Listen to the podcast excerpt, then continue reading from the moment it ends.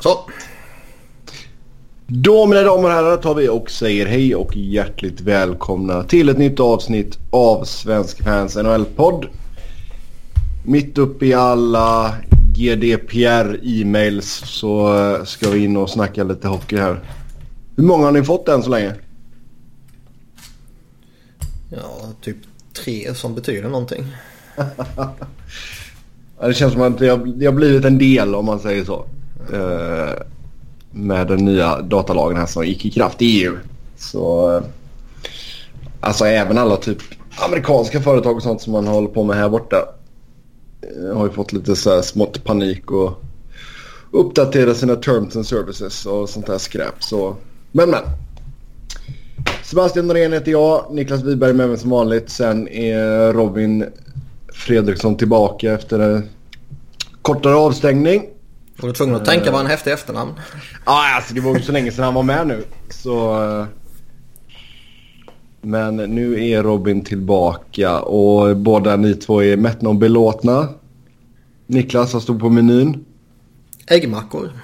Så där ja. Vad blev det för Robin? Tacos. Svensk tacos. Svensk tacos, ja det är bra. Nej Robin, jag hoppas verkligen att du eh, kommer över här till andra sidan. Ja, jag skulle verkligen föredra den typen av tacos. Vad var det du hade i? Alltså jag kör ju ofta att man eh, kör slow roasted pork.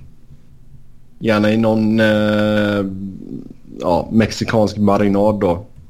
Eh, och sen eh, kör soft. Så jag tycker, jag tycker soft tacos är godare än de, de där spröda hårda som man kör hemma oftast. Och sen lite Mjuk- guacamole och. Mjukbröd är väl ändå vanligare än hårdskalet i Sverige, eller? Ingen aning, det vet jag inte om det har ändrats. Men det kändes ju som i början så var det hårdskal som gällde i alla fall. Ja, eller bara Göteborg. Mycket möjligt. Lägger sill i. Silltacos. Nej, det ska vara köttfärs i tacos, inget annat. Nej, nej, nej, nej. Herregud, det finns ju så mycket bättre grejer än köttfärstacos. Herregud. Nej, för helvete. Jo, Laxtacos och sånt där. Mhm. vad för något? Det finns ju laxtacos. Laxtacos. Ja. Alltså ska du köra fish tacos så skulle du verkligen inte köra lax. Jag har för mig att det finns laxtacos. Fy, det låter riktigt vidrigt alltså. Nej, nej, där ska du köra en vit fisk. Det ska vara köttfärs, gurka, tomat, guacamole, tacosås. That's it. Det känns ju så jävla svenskt att lägga gurka på tacosen. Det är klart att det är gurka i tacosen. Gurka måste man ha. Gurka. Jag har däremot Gur- slutat med majs på äldre dag för jag tycker det är så På overpowering. äldre dagar. Ja, det hade man ju alltid när man var liten. Men det är, det är lite för overpowering tycker jag. Det smakar bara majs när man har majs där. Liksom. Okej, ja, ja, det är bra. Ja, ska vi hoppa? Vi tar och lämnar tacosen där och hoppar in på hockeyn här. Eh, självklart ska vi snacka om de senaste nyheterna från ligan. Sen blir det ju snack om Stanley Cup då. Då har vi kommit fram till finalen. Och sen era lyssnarfrågor såklart. Och som vanligt stort tack till er som har skrivit in. Först ut, Antti Niemi skriver på en ettårsförlängning med Montreal. 950 000 i cap hit för den finländska målvakten som hade en ganska tung start eh, till säsongen mm, får man ju lugnt säga. Eh, hoppade runt lite men landade till slut i Montreal och nu får han en förlängning Niklas. Var du eh, förvånad över detta? Nej. Han har varit bra i Montreal. Mm. Eh, det känns ju som att säsongen i stort typ och eh, i synnerhet i inledningen inte som jag ser det riktigt representerar hur bra Niemi är. Det är väl en 90% målvakt liksom. I den här tiden av hans karriär.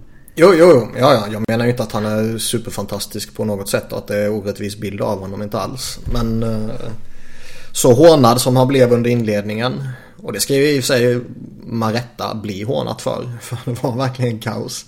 Den målvakten är han ju inte. Eh, Nej. Vi satt väl alla och berömde hur fantastiskt bra värvning det var av Pittsburgh inför säsongen typ. Men eh, sen gick det lite dåligt. Ja, det kan man ju lugnt säga. 79,7% räddningsprocent på tre matcher. Det är ju så grejen, tre matcher. Alltså det är så ja. jäkla ofta lag görs det. Att de signar en backup-målvakt som har ett bra record men det är såhär... Om det bara är en handfull matcher så kan de... Det känns, känns rätt ofta som det är så att en backup-målvakt dumpas rätt snabbt om man har en dålig, dålig inledning. Mm. Det har man inte råd med. Man kan agera lite klokare som lag också. Jo. Lite så. Men sen han kom till ja, Montreal det... så stabiliserades det lite. Ja, absolut. Han fick ju tre matcher i Pittsburgh, sen två matcher i Florida innan han hamnade i Montreal. Där gjorde han 19 matcher, 2,46 i goal against average och en räddningsprocent på 92,9. Så ja. det är ju lite bättre än vad han har haft eh, tidigare kan man lugnt säga. Jo, helt klart. Och, och liksom komma till den... Uh, uh, Tire fire. Ja, det är ju inte det enklaste kanske. Men uh, jag tycker han gjorde det bra. Det är en helt okej målvakt i grunden. Sen är det klart att han inte är... han var ju bra på riktigt tidigare i sin karriär. Även om han inte var ligans bästa målvakt direkt. Men uh, han ska fortfarande kunna göra bra ifrån sig och det gjorde han i Montreal i den rollen och för det priset liksom. Ja. Så jag tycker det var vettigt att signa nytt med honom. Mm. Man vill se om det håller ett år till. Karriären pekar inte uppåt. Nej, verkligen inte. Det brukar kunna bli ett snabbt fall för de här målvakterna ibland. Helt klart. Men de har någon ung uh, på uppgång också. Charlie Lindgren kan ju ersätta honom om det är på väg att gå till helvete för honom. Och Snart kommer Fukale. Mm. ja, vad är Neve nu? Han är 34, fyller 35 här i slutet av augusti. Så ja. Nej, men kan han bara vara stabil backup och Price får vara hel så visst. Jag kommer ihåg att jag alltid tyckte att det var roligt att det fanns en målvakt som hette Antiniemi i fotboll och en som hette Antiniemi i hockey. För några år sedan. Sjukt skoj. Mm. Sjukt skoj. Fotbollsmålvakten var väl lite bättre, eller? Nja. Vad fan var det han spelade nu? Jag har glömt det. Fulham. Han var ju Fulham. Fulham. Men eh, Antiniemi vann ändå cupen. Ja, han har ändå varit första målvakt i bra lag ännu. Antiniemi var ju OK i Fulham. Det är så Jonas Dahlqvist sa att Antiniemi snodde en snusdosa av honom när han gjorde ett reportage med honom i, i Fulham. Tog en helt os utan att fråga. Ja, fint. Det kan vi uppskatta. Fan, taskigt alltså. Nej, det kan vi uppskatta. Speciellt om någon har flugit till England för att göra reportage. De har ju tagit med sig en viss mängd snus av en anledning. Mm. Liksom. Ja. Ja, såg ni klippet? Detta är ju sidospår, men såg ni klippet på eh, Strömberg eller? Så kul är det inte med göteborgare som snusar. Nej, vadå? Ja, men att han, att han, han kör sju portionssnus när han kör portion. Ja, då är man ju dum i huvudet ju. Ja, men lika gärna köra bak. Ja, men han kör ju bak också. Men jag tror att det är lite lättare att köra portion under sändning. Så uh, ja, Glenn han kommer ju ta med sig mycket snus i alla fall. Det är en sak som är jävligt säkert. Uh, en som får lite mer betalt det är Evander Kane, San Jose där det blev en sjuårsförlängning och en capita på 7 miljoner. Bra jobbat av Sharks eller var det lite i överkant? Den är väl rätt uh, mycket i överkant. Alltså Kane eh, tycker jag är en gedigen power forward liksom. Jag tror det finns potential i honom fortfarande. Om man sätter honom uh, i en bra omgivning. Vilket han ju ändå visade rätt goda tendenser till här i, efter traden till Sharks. Men eh, det är också en spelare som knappt har kunnat hålla sig frisk och som i bästa fall känns det som numera kanske når 30 baljor. Om inte Joe Thornton får någon på nytt födelse och gör honom till en 56 målsskytt liksom. Mm. Vilket kanske känns osannolikt eh, kommande säsong. Men 7 gånger 7 för det som Evander Kane är känns saftigt alltså. Ja. Jag tror väl inte riktigt att det kommer vara... Eh, extremt problematisk för Sharks de kommande åren. Det tror jag inte. Jag tror han kommer producera okej okay, och så länge de har sin core intakt med Pavelski och Couture och Burns och så vidare så då kommer de ju göra lite mål i alla fall. Så där tror jag han kommer funka okej. Okay. Men det är ju dyrt för honom och framförallt är det ju långt för honom också. Mm. Och fram, ja, framförallt så kan ju, ja. Och det visst då, alltså det är ju en jävla skillnad på att signa det här kontraktet om man är 26 eller 30. Oh ja. Signar man det när man är 30 så kan det bli kanske två eller tre bra år om, om man har tur typ. Nu är han ändå så pass ung så att det borde inte vara någon kaos. Nej, han borde väl kunna vara effektiv i hela det här kontraktet. Men som du säger också, det gäller ju att du sätter honom i rätt ingivning, eller omgivning. Och med, du har både Couture och Pavelski som UFAs efter kommande säsong. Frågan är hur man gör med Pavelski där som har gått och blivit gammal på riktigt. Nej, man signar ju nytt med honom. Jag kan inte tänka mig något annat. Fyller 34 i sommar. Couture är 29. Eller 30 i mars. Så ja. Men Pavelski tycker jag är fortfarande duktig ändå. Uh... Alltså Evander ja, ja, absolut, är... Ja. Historiskt är Evander Kane en 40 poängspelare. Ja. Och mm. ja, äh, det... Nej alltså han måste ju verkligen komma upp i det. Vad hade han? 16-17 så hade han 28 baljer på 70 matcher denna säsongen då splittat mellan Buffalo och San Jose så hade han 29 på 78. Så jag menar han behöver ju ligga på 30-strecket år in och år ut här för att det ska vara värt det. Lite så. Frågan är vad som... Sak, uh... Samma sak som du säger också. Jag menar, det är ju inte, han har inte spelat 82 matcher en enda gång. Men sen är det väl om du spelar 82 eller om du spelar 79. Det är ju skitsamma känner jag. Jo, jo. Eh, problemet är ju att han har haft eh, betydligt färre matcher än så genom åren också. Ja. Om du har en, en liksom en standardnivå eller vad man ska säga som kanske ligger på 60 plus matcher. Då kan det bli lite oroande. Absolut. Men som sagt om du spelar 82 eller 79 det, det tycker jag är skitsamma. Mm. Um, just den här att man måste spela 82 matcher. Den, vi har ju pratat om det tidigare. Jag fattar inte den riktigt den uh, hypen som ligger kring just 82 matcher.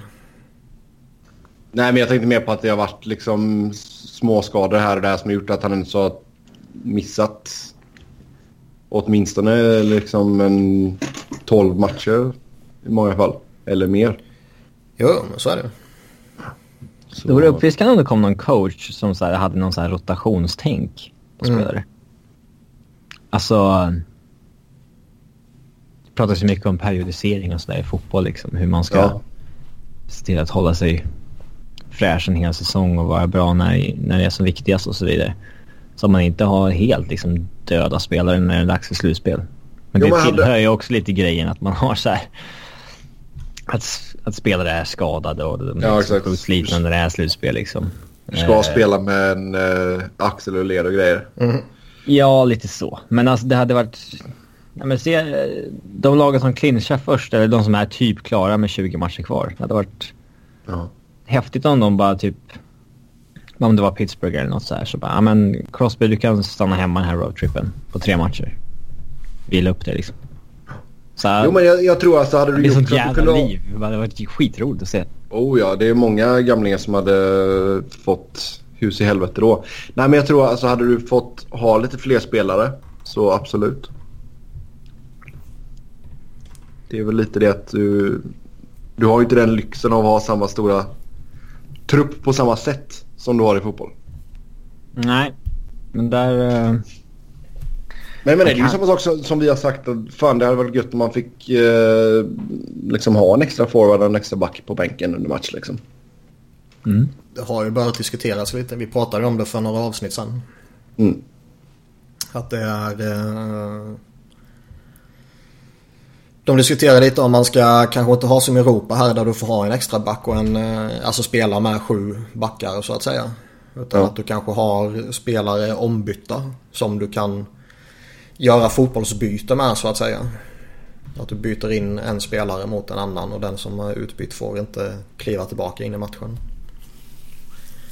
Ehm, Var det en månad eller två sedan vi pratade om det? Jag minns inte. Nej. Något sånt. Ja, fotbollsbytet vet jag inte om jag gillar. Utan ha, låt dem spela.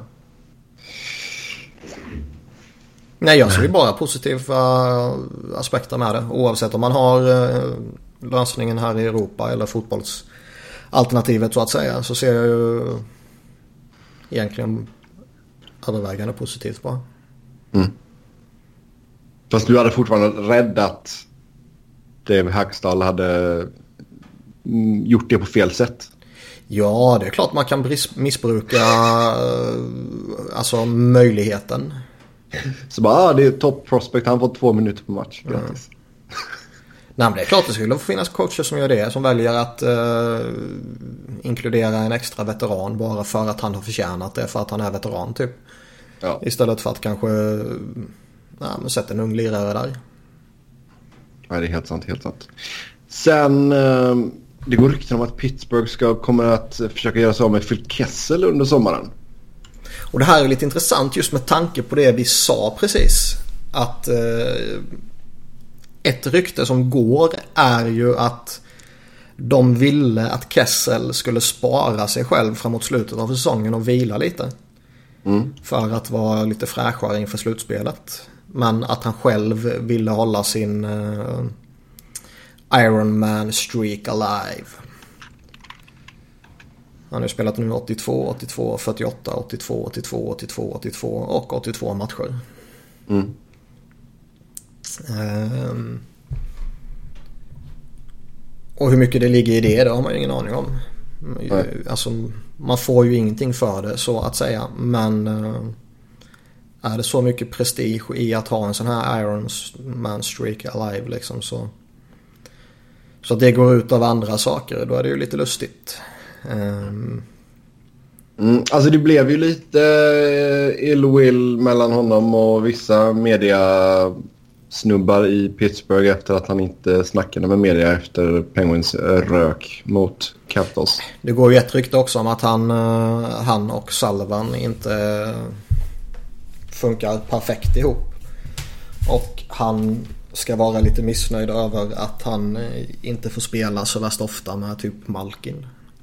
Ja. Utan att han kanske slängs upp och ner i laget och kanske blir i tredje kedjan och, och så här. Och vi har ju och många med oss har ju pratat väldigt mycket om liksom, den enorma styrkan av vara Crosby i första, Malkin i andra och Kessel i tredje kedjan. Eh, Men alla Ja, alltså, spelare jag- kanske inte ser på det på samma sätt. Nej exakt, alltså jag förstår ju deras tänk från tränarsidan att man vill sprida ut det. För jag menar Kessel är ju fortfarande så pass bra så han kan ju så fortfarande vara väldigt effektiv i en tredje, tredje kedja även fast han inte spelar Kommer med från den. karriärens bästa säsong. Ja. Ehm, så det nu vet inte jag exakt de ingående siffrorna på vilka som har varit på isen när han har gjort sina poäng men det är fortfarande imponerande. Ehm, och har ju ändå så gett Penguins lite av en edge. Ja, han fast det inte gick hela vägen denna gången. Nej, nej. Men jag menar man... Han var ju så pass bra att det har varit eh, Conn Smythe-snack om honom när de vann liksom. Och det skulle väl inte på något sätt varit oroligt om han skulle vunnit heller. Eh, så traden från Toronto till Pittsburgh har ju varit fantastisk för, för Penguins. Och för han också för den delen. Det är två mäktiga slutspel och nu kommer han från karriärsbästa och eh, skulle det vara så att han är på marknaden så bör det ju inte saknas intresserade lag i alla fall. Nej, fyra år kvar på kontraktet, 6,8 miljoner capita. Ja, och liksom de här kontrakten som har några år på nacken nu är ju inte, vad ska man säga, lika stora längre med tanke på att det är svårt att jämföra, liksom jämför ett kontrakt som signades nyss i Evander Kane med några kontrakt som signades för några år sedan.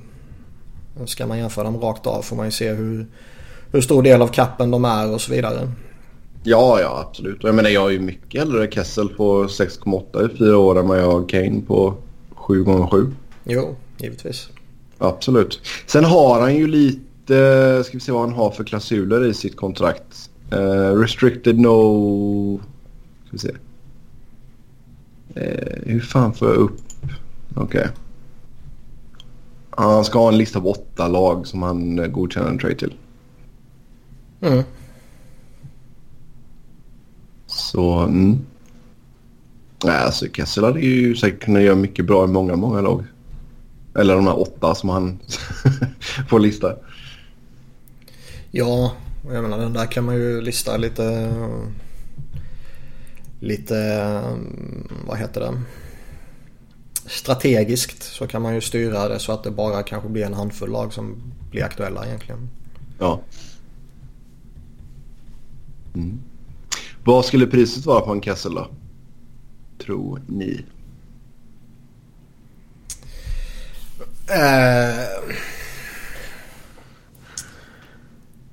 det känns svårt.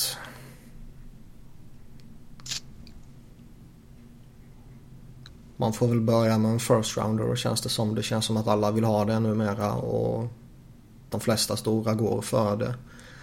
Om man sen ska peta in en prospect eller en roster player eller något annat sen. Det är väl... Det beror på lite vad de, vad de vill göra också. Vill de ersätta honom med någon billigare bara eller vill de skaka bort 6,8 miljoner? Mm. För att sen gå efter Pacioretty eller vad det nu kan tänkas vara som man kan spekulera och som det ryktas om hit och dit. Mm. Om vi tittar här på hans kontrakt också. Han har ju 7 miljoner i lön då. Eh, de två kommande säsongerna. Sen har han 5 miljoner i signing bonus de två sista och så en miljon i lön. Så... Eh, mm. Det... Mm, borde finnas intresse om han nu är tillgänglig. Jo, Sen, fyra säsonger till, det känns inte jättefarligt. Alltså, det, är inte, det är inte avskräckande. Nej, alltså han, är ju, han trotsar ju alla fysiska lagar. Han ser ut som en liten köttbulle. Det har vi sagt många gånger. Men jävlar vad bra han är. Mm. Yes. Uh, Lula Murillo går in som uh, ny president of Hockey Operations i New York Islanders.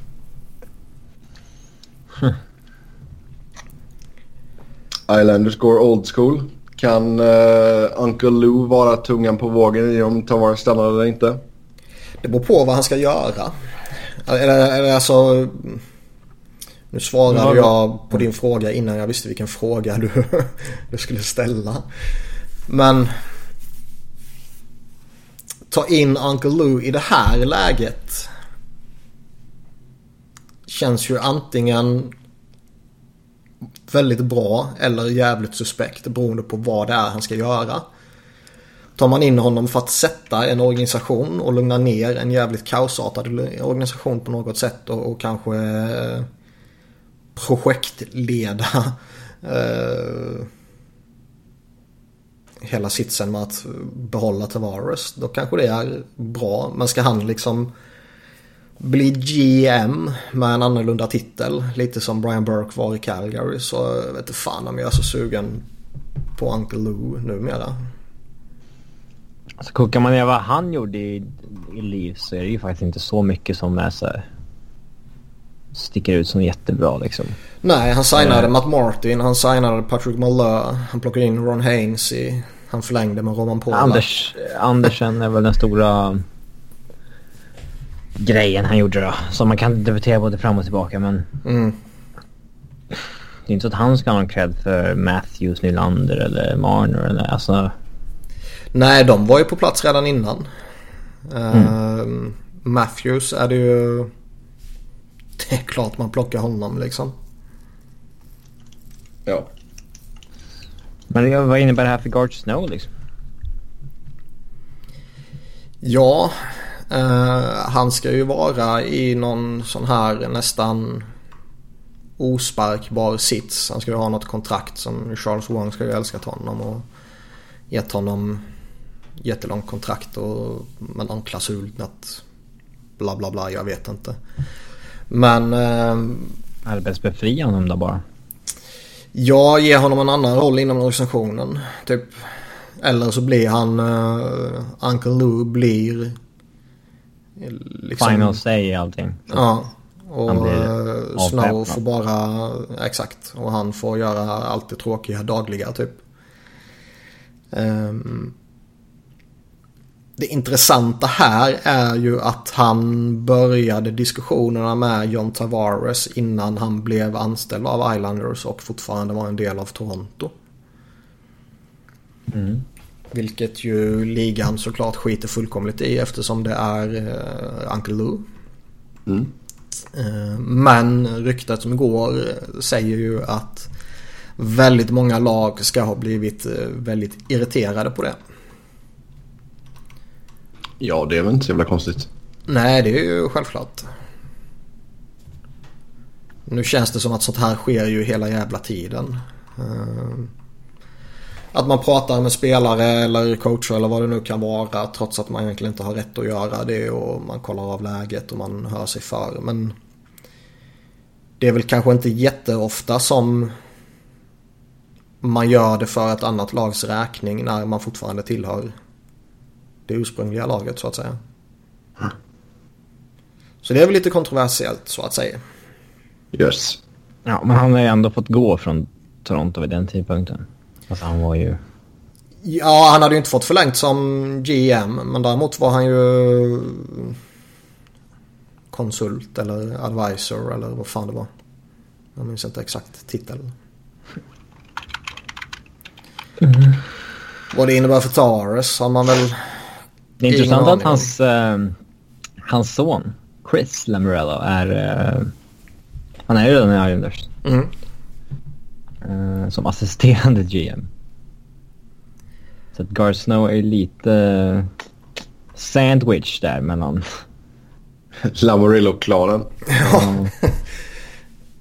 Det intressanta nu är ju också att mm, han vill ju ta in Kowalczyk till Islanders. Och de två ska ju ha en väldigt god relation sägs det. Från. New Jersey-tiden då. Ja, det känns väldigt intressant. Och kan han eh, locka in Kowalczyk där och liksom göra det på något form av sales pitch till Tavares. Att nu får du liksom en riktigt bra winger här och du det gick redan bra med vissa andra under den gångna säsongen och du verkar ju trivas i organisationen och så vidare och så vidare. Och vi ska få ny arena så småningom. Och... Ja, ryktet säger ju också att han vill förstärka målvaktspositionen. Ehm, så är det så att han ska... Sen sägs det också att han, han kommer ju till Islanders för att göra dem bra direkt liksom. Mm. Ehm, det ska inte rebuildas och det ska inte tas tid och det ska inte sånt där utan nu jävla kör vi typ. Men eh, var, Alltså hur länge orkar han? Han är fan 75 bast. Det är väl därför ja. han inte vill göra en långsiktig rebuild. ja, exakt. Ja, men det, alltså, det är ändå lite märkligt tycker jag. Att han... Han är väl lite som arbetsnarkoman på så vis, men... Jo, men det kan exakt. Han är inte fräschast i den liksom. åldern liksom. Nej. Nej, och lite som vi snackade om tidigare. Om man tittar på vad han gjorde i Toronto så var det ju inte... Uh... Han är ju hyggligt stor organisation där. Ja, stor organisation. Alltså. Men, men liksom om man tittar Matt Martin, Ron Hainsey, Roman Polak. Det var ju liksom inte... Det var ju inte nytänkande om man säger så. Nej, verkligen inte. Nej, det blir intressant att följa, absolut. Eh, sen Paul Fenton gick och blev ny GM i Minnesota. Var ju assisterande i Nashville innan. Eh, samtidigt så var han ju GM då över Milwaukee Admirals i AHL. Um, hade lite av en spelarkarriär. Spelade för Hartford och New York Rangers och Kings och Jets och Maple Leafs och Flames och Sharks. Hoppar runt lite kan man ju säga.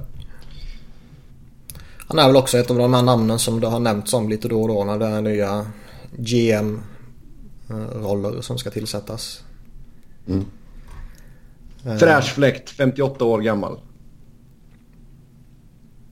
Men det är ju alltid spännande när det är en uh, extremt respekterad assistant GM som eh, nu efter väldigt många fina år i Nashville ska ta det på egen hand. Jo, det är klart. Eh, sen har ju inte... Alla har ju inte... Alltså säga, säga vad man vill om Kyle Dubas och Chaka och den här unga generationen men alla lag har ju inte riktigt... Eh, vad ska man säga? Bollarna för att våga göra det. Nej. Jag, jag tycker det är skitskoj och, och inte sådär men det är ju ändå lite kontroversiellt inom ligan. Att utse så pass unga. Och eh, innan det har kommit några som gör det väldigt bra. Om Shaika får, får ordning på Arizona här och om Dubas lyfter Toronto ytterligare ett steg så innan det sker så känns det som att det kommer fortsättas plockas in de här gubbarna i liksom övervägande majoritet. Mm. Det är väl i regel bra att ha en gedigen, ett gediget CV när man ska gå på det största jobbet liksom egentligen. Jo. Men det är klart att det är intressant när det kommer upp några ungt stjärnskott liksom. Mm. Men erfarenhet är ju sällan dåligt. Nej, nej, absolut inte. Han var i Nashville i 20 år och så var han assistent GM i 12 av de åren. Mm. Man ska nog åtminstone ha varit assistent GM några år liksom. Um, för att ha gärna kanske ett par olika organisationer. Mm. Mm. Han, har, han har ju en, en bakgrund man vill ha. Han har varit pro scout, han har varit director of scouting, player personnel, assistant GM. Han har även varit inne och snurrat lite i USAs landslag. Uh, så att... Uh, ja, det blir intressant. Men jag, jag har inte hört hans namn förut någon gång så här som en av de som har nämnts tidigare när det har varit GM openings. Jag tycker det har slängts ut namnet lite då och då. Men det har väl eh, aldrig varit eh, typ två eller tre av huvudalternativen. Utan det har väl kanske varit ett av de sex alternativen som kanske sen har gallrats bort. Mm.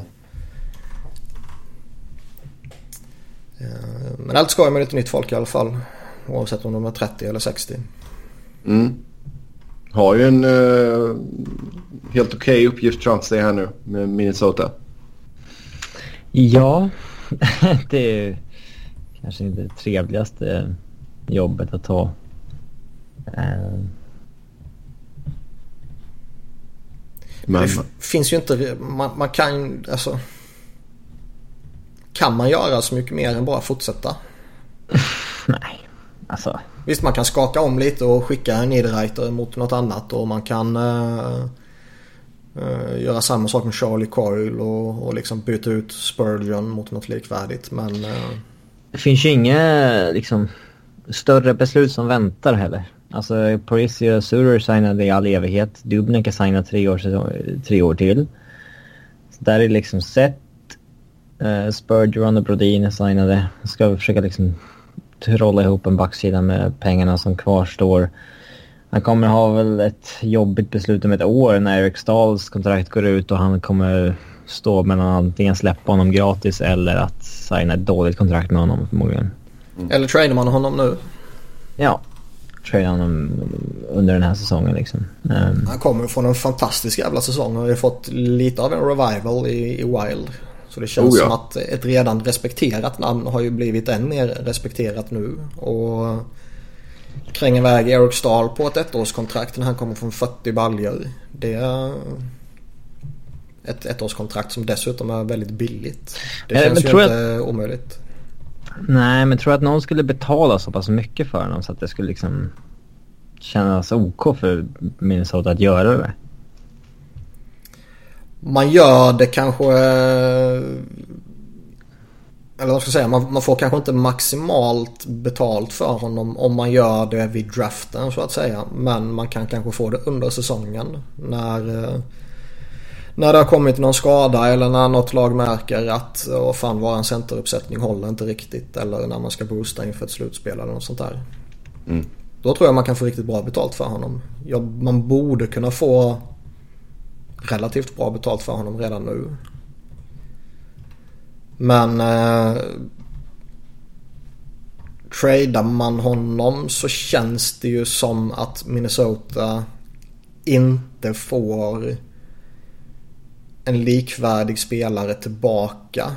Utan man kanske får en, en yngre, lite mer lovande som kanske är bättre om ett år eller tre.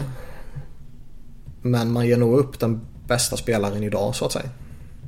Jo, det är sant. Och där är frågan om de är i det läget. Så att man ska göra det.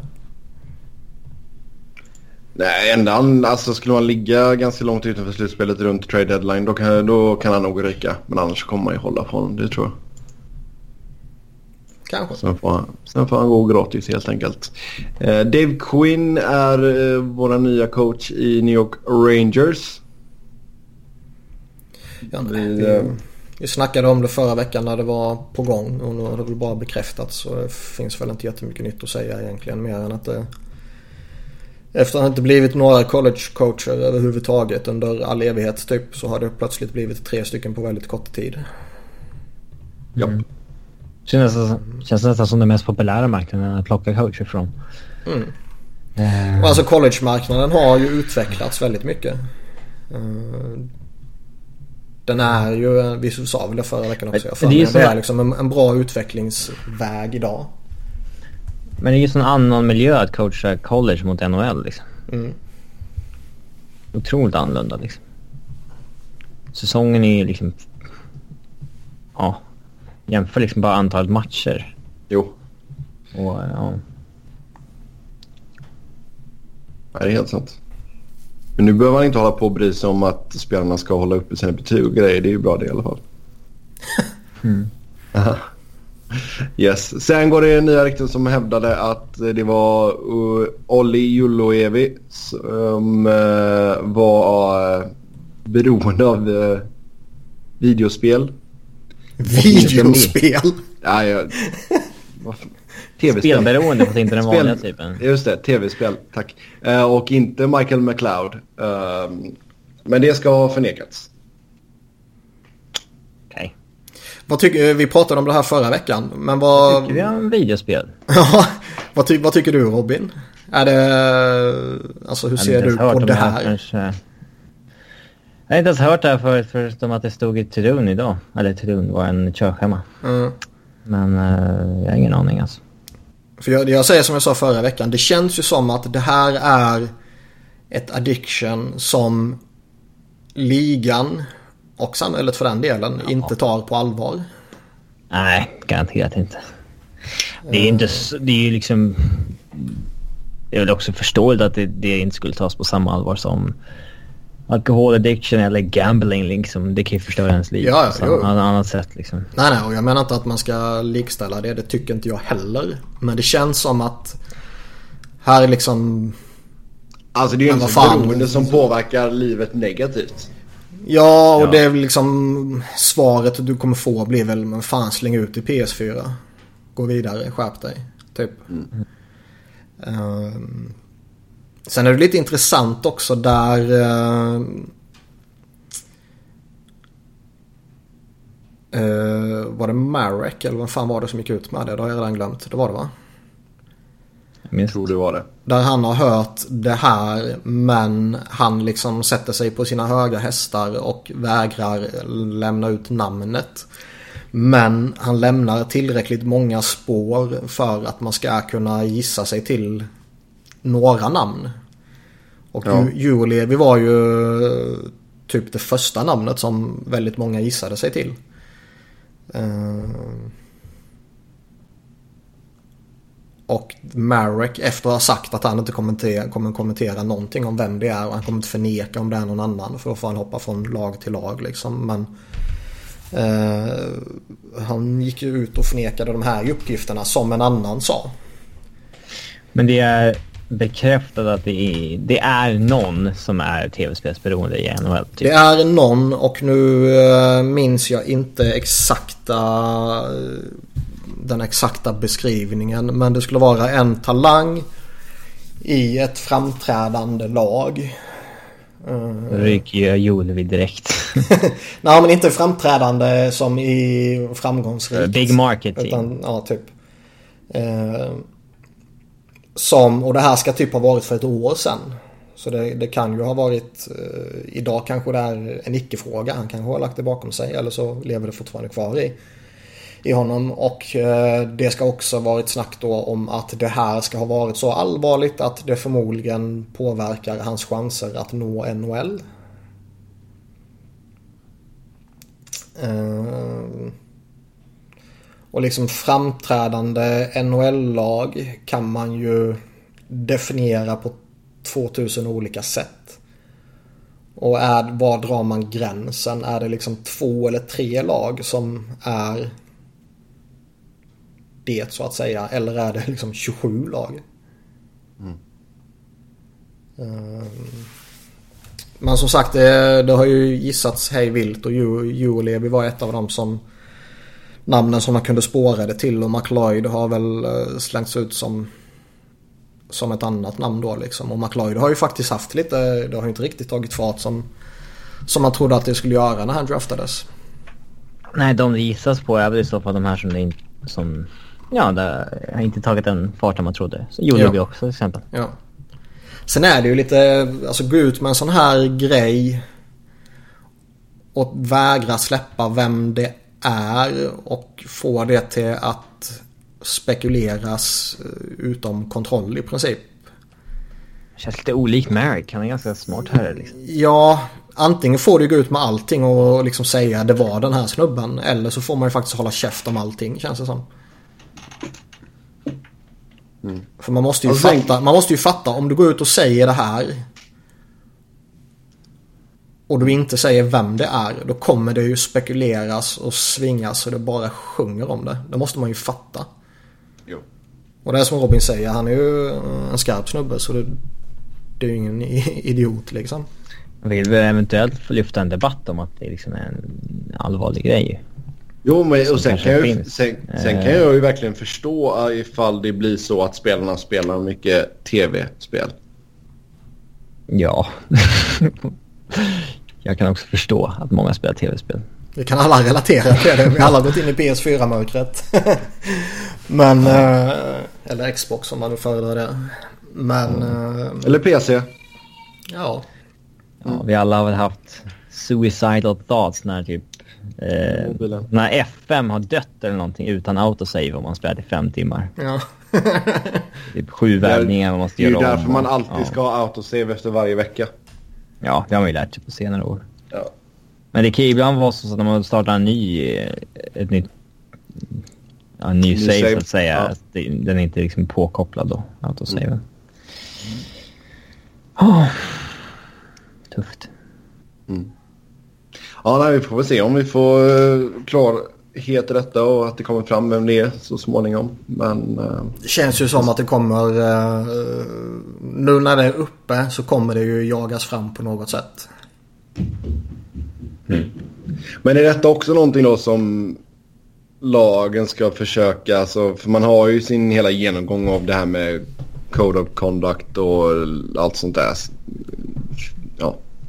Är det här någonting annat då som man ska börja snacka med spelarna om att Ja, ni kanske ska tänka på att inte spela så mycket tv-spel. Alltså tar, tar de inte eh, misshandel och våld och uh, sexuella trakasserier och våldtäkter och grejer på, på allvar. Varför ska de ta det här på allvar för?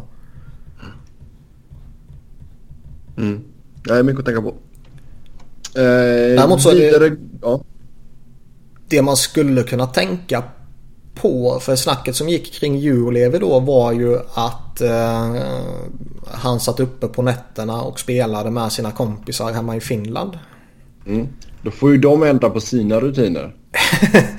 Nej men jag menar det, det, det,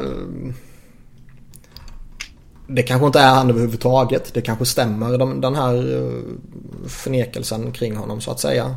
Eh, men det är ju ett intressant en intressant grej i sig. Just med hemlängtan och man sticker över dit och man har ingen alla föräldrar har ju inte möjlighet att flytta med och sådana här saker liksom. Nej. Jag vet faktiskt inte hur eh,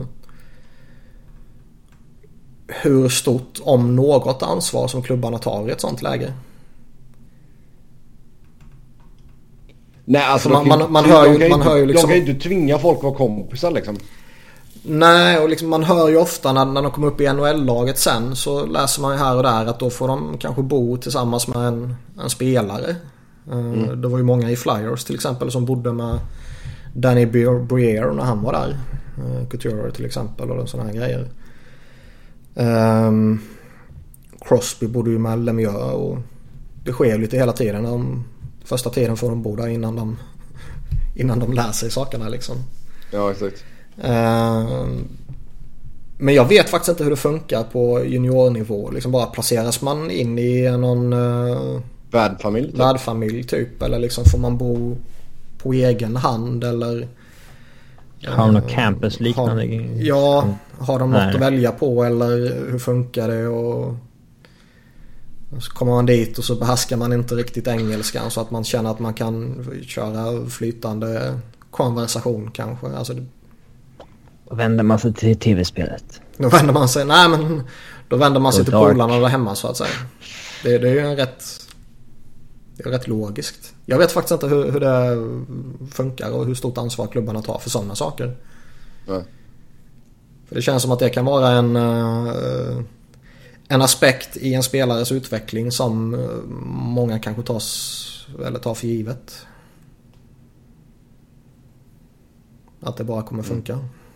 Jag vet inte. Nej, det är, det är en ny värld kan man ju lugnt säga. Vi går vidare. Eh, rykten säger att Ryan Kessler tänker vila hela säsongen 18-19. En Foppa. Mm. Han ska ju ha en höft som är åt helvete. Och hade ju problem denna säsongen. Han kom upp i en halv säsong och ett slutspel som inte var så, in, eller så eh, var rätt intetsägande då. Och han har provat operera, det har inte riktigt gett effekten och nu ska han eh, nu ska han eh, prova någon aggressiv rehabilitering eller vad fan det var. Och så Han har en testa att vila. Vad sa du? Han har en plasthöftkula. Ja. Min mormor har. Ja. Det är nog där lik liknelsen mellan din mormor och Ryan Kessler slutar tror jag. Ja, det är... Hon får ju träna med så här rockring. Så stor jävel som är med vikter på. För att hålla höftkulan i, igång så att säga. Jag kan inte ens rocka rockring. Absolut inte med sådana vikter på heller. Men Ke det är väl ingen chock att Kessler, alltså när det här kontraktet skrevs så var inte vi jätteövertygade om att Nej, det här skulle vara långsiktigt bra tycker nästan det var... Eh, ja. Det känns nästan som att det var eh, ganska troligt att de skulle få ut tre bra säsonger och där skulle ta stopp. Mm. Det var också ett kontrakt som kändes som ett sånt här typexempel på där en GM skiter fullkomligt ja. vad som händer i framtiden. För då kan inte hamna där ändå. Mm. Ja, det är helt sant. Men eh, han är bara 33 och även om det är många mil i den kroppen och han har börjat eh, slita sönder känns det som. Så är 33 år det, det är ju väldigt, det är väldigt tidigt för att sluta så att säga och det verkar ju inte vara aktuellt. Eh, så då tar han en säsong utanför och kommer tillbaka till slutspelet och så gör han Foppa-succé. Eller inte. Ja. Nej alltså han, om man tittar på hans kontrakt också så jag menar lönen är ju densamma här nu de sista fyra åren. Han ska ha ungefär 6,7 miljoner. Så ja. ja. Den är lite intressant men visst kan han uh, vila upp sig och komma tillbaka hel och frisk så visst. Och uh, säg att han tar hela säsongen uh, utanför rinken och Anaheim vill ha in en veterancenter och så tittar man på Minnesota. Exakt. Noah Hennefin pekas ut som ett alternativ för Vancouver. Då behöver vi en ung back nu när Julevi är fast i träsket. Ja.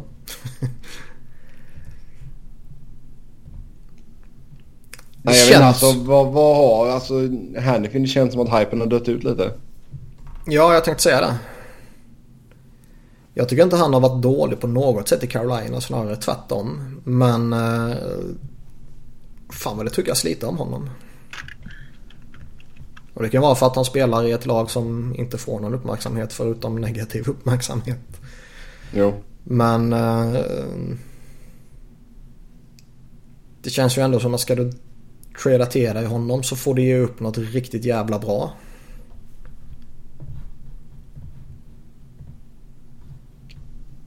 Det är inte så att de kommer skänka bort honom för att han är en dunderflopp eller att de har tröttnat på honom och liksom det tar inte fart, nu ska vi dumpa honom.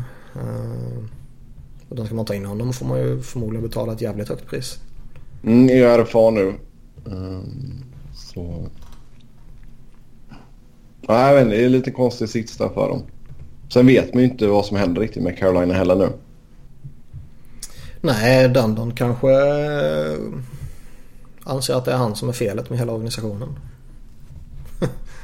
ja, det kanske är lite väl hårt men... Ja.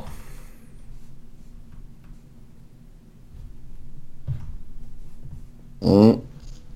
Sen så Winnipeg vill signa Connor Hellebuck på ett långtidskontrakt och det är väl inte så konstigt med tanke på hans fina säsong. Nej, det är väl till och med jätterimligt. Uh... Det var ju knappast hans fel att Winnipeg inte tog sig förbi Vegas. Nej, och jag menar signa upp honom långt nu så ska det ju nog förmodligen sjukt mycket till för att det ska bli något dåligt. Han kommer vara jättebra i många år framöver. Sen ja, kan man ju alltid... helt, helt rätt ålder. Ja, ja. Sen kan man ju alltid argumentera liksom hur... hur uh, nu kommer ju inte han kosta 12 miljoner direkt liksom. Men man kan ju alltid argumentera det här att uh, är det klokt att lägga så extremt mycket pengar på en målvakt när man bevisligen inte behöver göra det för att vinna typ? Men det känns som att han kommer få något standardkontrakt ju. Mm. Ja, vad ska man göra? Inte signa honom? Nej, nej, ja. Men jag menar ju mer att uh, man behöver kanske inte ha den dyraste målvakten i ligan. Och då kan man ju snacka om att uh, man kan ha andra alternativ istället. Men det känns ju som att han inte kommer bli ett sånt alternativ. Det är det jag menar. Mm. Utan han får väl det här uh, 6 miljoners kontraktet, 7 miljoners kontraktet kanske. Sen... Oj. Mm. Sista lilla nyhetspunkten här då är att eh, Rickard Grönborg placerades in i Dallas Buffalo och New York Rangers. Ja, det är väl inte eh, så konstigt med tanke på hans uh, track record de senaste åren. Det hade såklart varit jävligt intressant att se. Men jag hade nog inte velat se det experimentet i mitt lag. Nej. Men det hade varit intressant som utstående att se och det är inte så konstigt baserat på vad han har gjort senaste åren. Du menar succén i World Cup? Ja men, uh, vad är det? 17 raka VM-matcher som han har vunnit och sådär. Det... Ja, det jag tycker jag, jag förstår ju att han får ögon på sig liksom. Jo, det är klart. Jag tänkte vara rolig bara. Men eh, det gick ju något rykte häromdagen om att något KL-lag ville ha honom och att han då skulle kunna kombinera KL-jobbet med förbundskaptensjobbet. Ja, det där känns lite passé att man kunde kombinera sånt där förut alltså.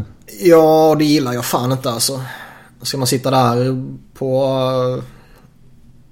eh, en fulltidstjänst i ett, i ett klubblag och sköta det ordentligt samtidigt som man ska sköta förbundskaptensjobbet ordentligt. Det tror jag inte funkar. Om det inte är så att du har hela landslaget i ditt klubblag som vissa få enstaka nationer typ har. Var det Lettland mm. väl tror jag. Då kanske det skulle ja. funka. Men... Eh, kombinera så tror jag alltså, inte på.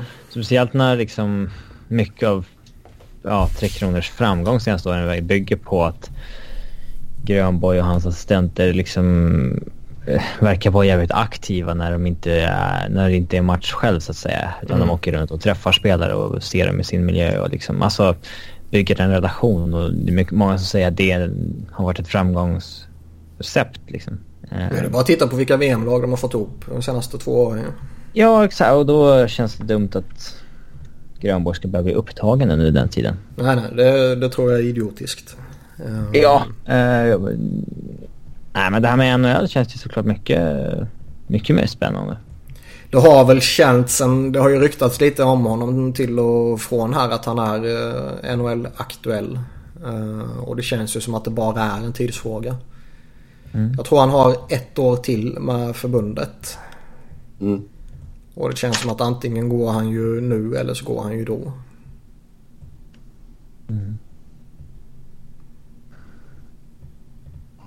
Sen är jag inte helt såld på honom. Så det är som Robin säger. Jag skulle ju inte vilja att man experimenterar med honom i, mitt lag sådär.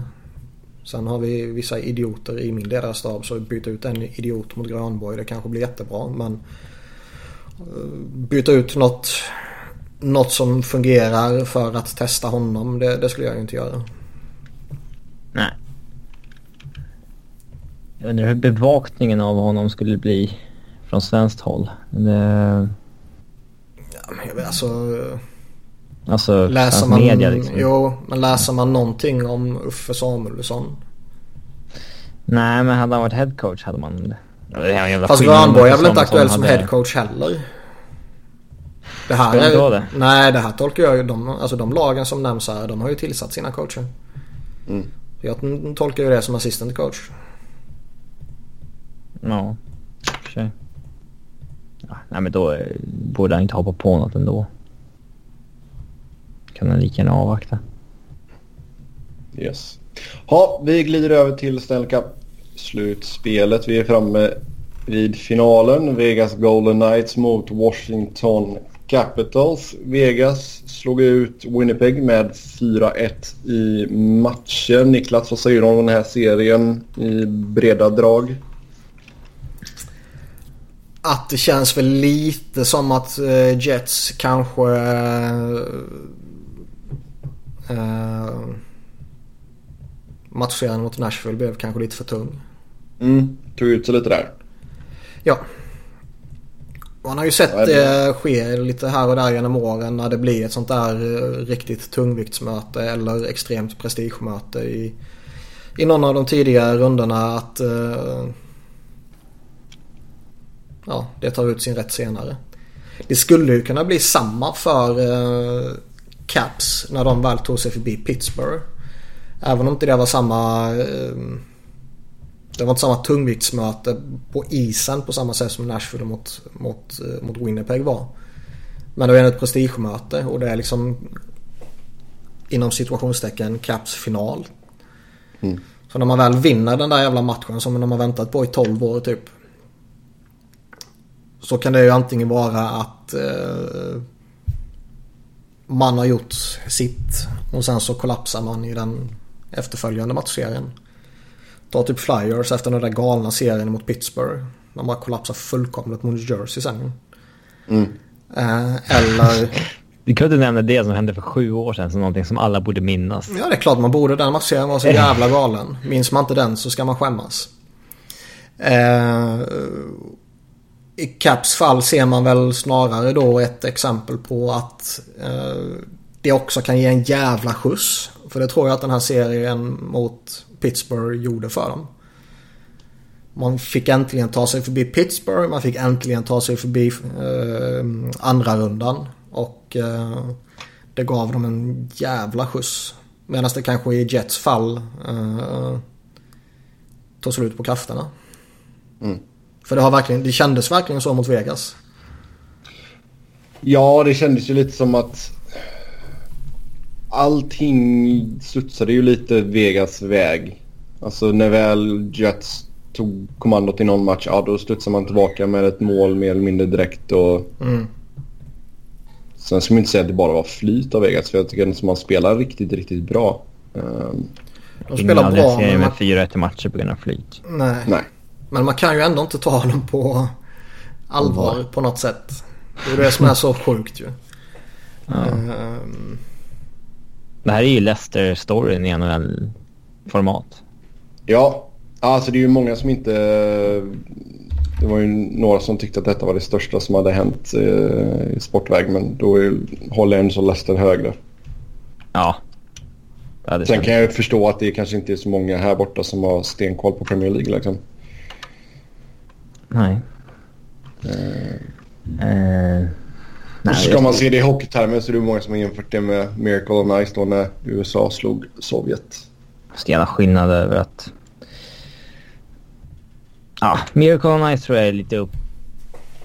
Liksom lite uppförstorat i efterhand. det var väl en match. Allting Ja, kan ske exakt. i en match. Det är så att Kanada höll på att slå eh, Sovjet i matchen innan. Men torskade med uddamålet. Eh, Sovjet var ju där och då i en tid där deras ledande spelare började bli riktigt gamla och de stod inför ett generationsskifte de inte hade gjort än. Till nästa mästerskap var Larionov, Kuto och Makarov med. Medan det i Lake Placid fortfarande var Mikhailov, Petrov, Charlamov som var deras första line med. Som alla var väl 35, 36, 37. Eh, nej, det var en match som sagt. Tweeta den eh, Robin, säg det. Miracle on Ice was no miracle. Så får du se vad du får för respons. Ja, Det är ungefär som när man säger att uh, fotbolls... Bragden 94 är överskattad från svenska herrlandslaget. Ja, det är jävla idioti. Så får du inte säga. Nej, lägg på nu. Var du ens född då pojkvaskare? Eh, jag kan däremot rekommendera en... eh, det finns en podcast som heter Snett inåt bakåt med Marcus Leifby. Eh, Sveriges mest inaktuella sportpodcast. eh, enligt honom själv. De har ju i senaste avsnittet så intervjuar de Albert Svanberg som har gjort V94-krönikan och pratar om hur det gick till när de gjorde den och sådär. Det är intressant. Ja, den får man ta och kolla. SVT hade väl lagt upp alla VM-krönikor här på Play. Ja, krönikan har ju alla sett men eh, intervju, eller podden Jo, med jo, jo. Svanberg. Ja, den ska jag ta och checka. Men just att de har lagt upp alla VM-krönikor. Så det får man ju ta och grotta ner sig lite i här nu innan det sätter igång. Kanske man ska ta och kolla lite innan eh, Champions League-finalen drar igång. Eh, om vi tittar på Winnipeg då. Det är inte jättemånga jobbiga kontraktsförlängningar man har på, på bordet. Det är väl Truba som är RFA och sen vill man väl bestämma sig om man vill ha kvar Stasny eller inte. Ja, Eh, det är big decisions. Och så Helleback då såklart. Men det har vi redan snackat om att man vill signa honom long term. Då är Ja, det bara det ett, ett, ett år kvar på Ma- Mason också. Så det är ju inga, ingen jättefara där att det blir någon kontrovers. Nej, 20 miljoner i cap space. Så det är, där ska de ju utan problem få in både Truba och, och May, eller Mason höll på att säga, Hellerback. Och eh, krydda det med Stasny om man så önskar. Um, Stasny är väl snarare ett, ett beslut man får ta mer långsiktigt. Ja. För sen om ett år ska Blake Wheeler, eller han kan, Blake Wheeler kanske ska signa nytt redan denna sommaren, det vet man inte heller. Men han har ett år kvar på kontraktet i alla fall. Och med tanke på hur jävla bra han är så kommer han få pröjs ju. Oh ja. ja det har varit riktigt bra. Vi snackade ju lite om det förra avsnittet just med Tyler Myers då. Att han kanske skulle kunna vara tillgänglig.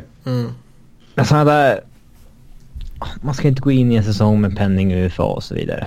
Nej, nej. Men samtidigt när spelare passerar 30 så tycker jag nog fan att du tjänar fan inte så mycket på att signa dem i förtid. Det är bättre att du, du, du, du riskerar att förlora mer på det. Eh, För den Ja, Du tycker man kan hålla på Wheeler lite? Ja, det tycker jag. Eller, nu är han ju svinbra såklart, men alltså... Hans värde kommer ju inte gå upp. Nej, Kan jag det inte kanske tänka inte mig. gör. Han gjorde 91 poäng i år. Han kan ju inte göra repetera det. Nej, det ska nog jävligt mycket till va? Det tror jag. Fyller 32 här i slutet av Alltså, augusti. man ska inte gå in i en sommar med pending RFA framförallt. Eller man ska inte gå in i en säsong med en John Tavares som UFA. Men spelare som har passerat 30 eh, som inte är... Nu är ju han Jets bästa spelare, ish. Men det är samtidigt inte hans organisation. Det är liksom Scheifele och Line som är the future. Mm. Man kan ändå vara lite kall där tycker jag. Det ja. kan jag hålla med om. Uh, Vi signar inte han på åtta år i sommar på liksom sju och en halv mille. Sen så har han en säsong när 60 poäng nästa år. Så sitter man där. Ja, det är klart. Men, alltså, det känns ju det... som att han kommer signa nytt nu. Det gör det väl? Ja, det är kanske är mycket möjligt. Alltså, menar, ska, ju... ska han signa nytt och sen så har du ju Patrik Laine som ska signa nytt också. Han är ju bara ett år Jag tänkte nu. säga det. Ska man, det och... ska man väl försöka lösa redan i sommar också. Ja, det gör man väl. Uh, och helt plötsligt så har man då två kontrakt som Blake Wheeler, om han skriver nytt, kommer ju inte bli mindre betald i alla fall. Och Patrik Laine ska ju upp på uh, 6 miljoner minst liksom. Får de det är det ju ett jävla fynd. Känns det som. Line kommer ju få minst 8. Kanske, jag vet inte. Jag, minst. Kanske, jag vet inte. Kollar man på lite andra kontrakt så är jag inte helt eh, supersåld på, på det. Eh, men vi får se. Och det kommer ju snarare påverka Paul Stastny än att man har utrymme för det kommande säsong. Ja. Det är helt sant. Eh, vi kan Om att få Stastny till att signa ett eller två år. Men det känns... Varför skulle jag ja. göra det för? Eh, det var en liten kontrovers där när man hade sin clean-out. Eh, Tobias Toby Enström. Eh, ja, han sket i att komma dit helt enkelt. Känns ju som att han har gjort sitt här nu. Ja, det verkar ju vara många, många som säger att han ska till Modo. Men jag undrar, jag, jag tror inte han är... Uh... Kommer han, gå, kommer han vara Tobias då ifall han flyttar hem igen? Eller kommer han fortsätta köra Toby? Det är det som är frågan. Ja. Jag, jag, tror, jag tror inte han kommer sakna erbjudanden i, uh, i sommar från NHL-lag. Uh, jag skulle ju aldrig i hela mitt liv signa honom på uh, ett liknande kontrakt så att säga. Utan ska man signa honom ska han ju bli mycket, mycket billigare. Men jag tror ju inte han kommer sakna ja, alternativ liksom. 5,75. Mm. Sen vet man inte. Det är väl eventuellt då kärleken som lockar honom hem. Och det kan ju... Den kan ju väga tyngre än några miljoner till i Nordamerika. Jo, ja, ja alltså du, han har väl inte så tjänat helt okej med pengar under åren. Jo. Men som sagt, jag skulle, jag skulle inte bli förvånad om man får ett nytt kontrakt i ligan. Men han har nog bränt broarna i Winnipeg. Oh ja. Ja, alltså, sen har ju det är väl lite synd att det tar slut på det här sättet också i så fall. Jag menar, han har ju varit en... det är ju skoj. En uh, stor del av laget i många år liksom. Jo, men det är ju skoj när det kraschar på det sättet. Hängde med från Atlanta. Uh, ja. Jag hade ju lite skadeproblem och grejer. Blev som sagt petad här då i slutet av slutspelet. Mm. Och med tanke på hur han hade spelat så var inte det jättekontroversiellt. Nej, det, var, det gick väl något snack om att han har spelat skadad och lite sånt där. Mm. Men alltså... Om man nu vill göra någon förändring. Sen kan man ju liksom alltid snacka om. Har det egentligen någon effekt att göra den förändringen? Men om man vill göra den förändringen nu. Du plockar ju inte ut Bufflin liksom. Du plockar ju inte ut Truba. Nej. Han är ju en av få alternativ man plockar ut i så fall. Japp. Ja, eh, över till östra konferensen. Eh, som sagt, Capitals gick vidare efter eh, att ha vunnit 4-3 matcher. Alltså det är så sjukt. De har ju... Konstig serie var detta. Alltså, Caps har ju haft kanske fem upplagor som har varit bättre under Ovechkin än den här. Ja. Ja. Förra året var ju sista året som de kunde ja. utmana. ja. Man har kommit tillsammans som ett lag. Tom Wilson har varit en uh, succé i första kedjan med Ovechkin och Kuznetsov. Uh, nej men alltså som sagt den här serien var lite konstig. Jag tycker Washington var ruggigt vassa i de två inledande matcherna i Tampa. Vann båda. båda. Sen torskade man två raka hemma. Uh, när Tampa sen går och vinner game 5 så känner man ah, ja men då, det här är ju slut liksom. Och sen går Washington och gör kanske sina två bästa matcher under hela säsongen. Mm. Eh, vinner med 3-0 i Game 6 och sen eh, 4-0 i Game 7. Holtbys två första nollor för säsongen.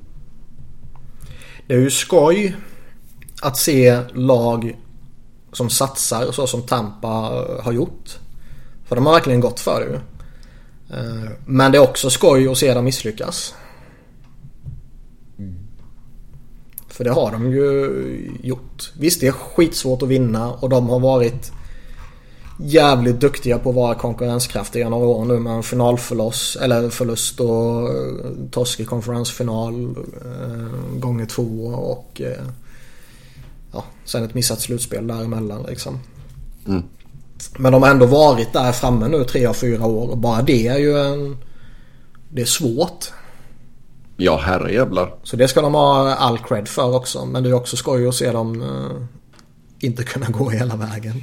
Nej, alltså det, och sen det är klart att det är frustrerande som du säger när man så varit så pass nära eh, tre av fyra år att det inte går hela vägen. Det är klart på ett sätt så visst, det är en framgång men samtidigt så har du ingenting riktigt att visa för det. Ehm, Nej. Och eh, alla som är så glada på att hata på Ovechkin för att han eh,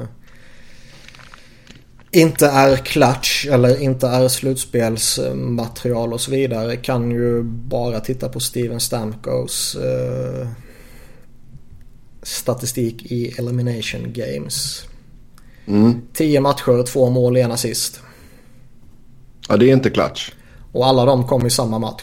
2011. Det är ingen, det är ingen Justin Williams-klass på det där inte. Nej, alltså visst nu nu är det ju... Framförallt är det inte Ovechkin-klass. Nej. jämfört med han har gjort. Nej, exakt. Eh, och det Nej, känns Robin- som att Stamkos... Uh, vad ska man säga? Smyger lite under radarn i sin uh, uselhet. nu kanske det låter... Folk- fattar inte hur dåligt Stamkos är. Nej, exakt.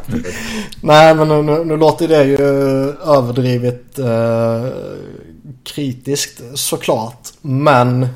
eh, Niklas, du är väl aldrig kritisk? Nej, nej, inte alls. Men eh,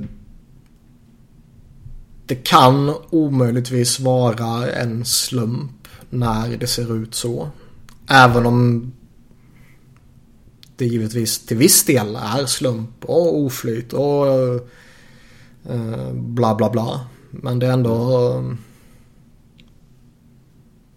Det känns ändå talande på något sätt. Jo. jo, men det känns ju ändå på ett sätt som du säger just det. Alltså alla grejerna som har varit kring Ovechkin då. Att han inte ska ha vara som bäst när det gäller och allt sånt där. Men jag menar lätt liksom att måla det- upp den uh, ryska stereotypen. Men eh, man ger sig inte på en good old Canadian boy. Nej. Nej, alltså jag, jag läste ju en tweet här igår var det. Ovechkin är alltså fyra mål bakom Malkin för att vara den bästa Russian playoff-scoren i NHLs historia. Och han har spelat 42 Grejen att- matcher färre än Malkin. Grejen är att han, han, vi vet ju alla att han är en av tidernas bästa målskyttar i grundserien. Uh, några bra säsonger till så kommer han ju klättra jättemycket och kommer förmodligen vara väldigt högt ansedd så att säga. Och tittar man på målsnitt och grejer så är det ju fantastiskt bra. Men han är det i slutspelet också. Trots att han är uppmålad som en en choker, Choker. och en spelare man inte kan vinna med och eh, en produkt av Niklas Bäckström som galningar påstår. Och eh, ja, att han inte är bäst i slutspelet helt enkelt. Men han har ju, han har ju prost, pro, vad säger det? Nu Jag kom inte på om jag skulle säga producerat eller presterat så det blev något mellanting. Prestoserat. Ja. Men han, han har liksom gjort fantastiskt bra sen han spelade, eller kom in i ligan och spelade sin första slutspelsmatch. Eh, det är fyra spelare. Crosby, Malkin, Kane och Hossa som har gjort mer poäng än honom. Eh, det är bara Crosby och Malkin som har gjort mer mål än Ovechkin. Sen han klev in i sin första slutspelsmatch. Och det har han gjort trots att han aldrig har tagit sig förbi andra rundan förrän nu då. Nej. Eh, han har det tredje bästa poängsnittet. Han har det bästa målsnittet. Med de som har gjort minst 100 slutspelsmatcher under den här perioden. Eh, 23 elimination games med 11 mål, 10 assist. Han eh, är snart inne på topp 30 i tidernas skytteliga i slutspelet. Han har tidernas nionde bästa målsnitt. Om man har spelare med minst 100 slutspelsmatcher. Och liksom... Han är uppmålad som en playoff choker när han har producerat avsevärt mycket bättre än väldigt många playoff performers. Mm. Som det sägs finnas i ligan. Vilket ju är lite eh, konstigt kan man tycka. Oh ja. Nej, nu, men nu får han alltså äntligen chansen då att spela om Lord Stanleys pokal. Det var ju 20 år sedan Capitals var i uh, Stanley Cup-final. Då, ja, då rök man. Nej, fyra raka förluster mot uh, Detroit. Mm. Så äh, det blir spännande. Om vi tittar mer på Tampa då. Laget är ju ganska sett, eller om du ska säga. Kucherovs kontrakt går ut efter kommande säsong. Då blir han RFA. Han ska väl ha re rejält betalt där. Ja, där bör man väl... Han borde ju signa sitt kontrakt den första juli nu. Så man vet vad man står inför nästa år. Mm. Så vad, vad, man vet vad man har för förutsättningar inför nästa säsong. Vad man måste bli av med och inte. Ja, och liksom vad ska man göra med Ryan McDonough och Anton Strålman typ? Där kan man ju förmodligen inte göra någonting innan man vet hur, som Robin säger, läget är med Kucherov. Nej. Sen ska Point, han har bara ett år kvar också. Han ska ju få bra med pröjs. Han har gått och blivit fantastiskt jävla duktig. Oh ja. Det där extra året på Callahans kontrakt. Det hade de gärna skippat nu alltså. Mm.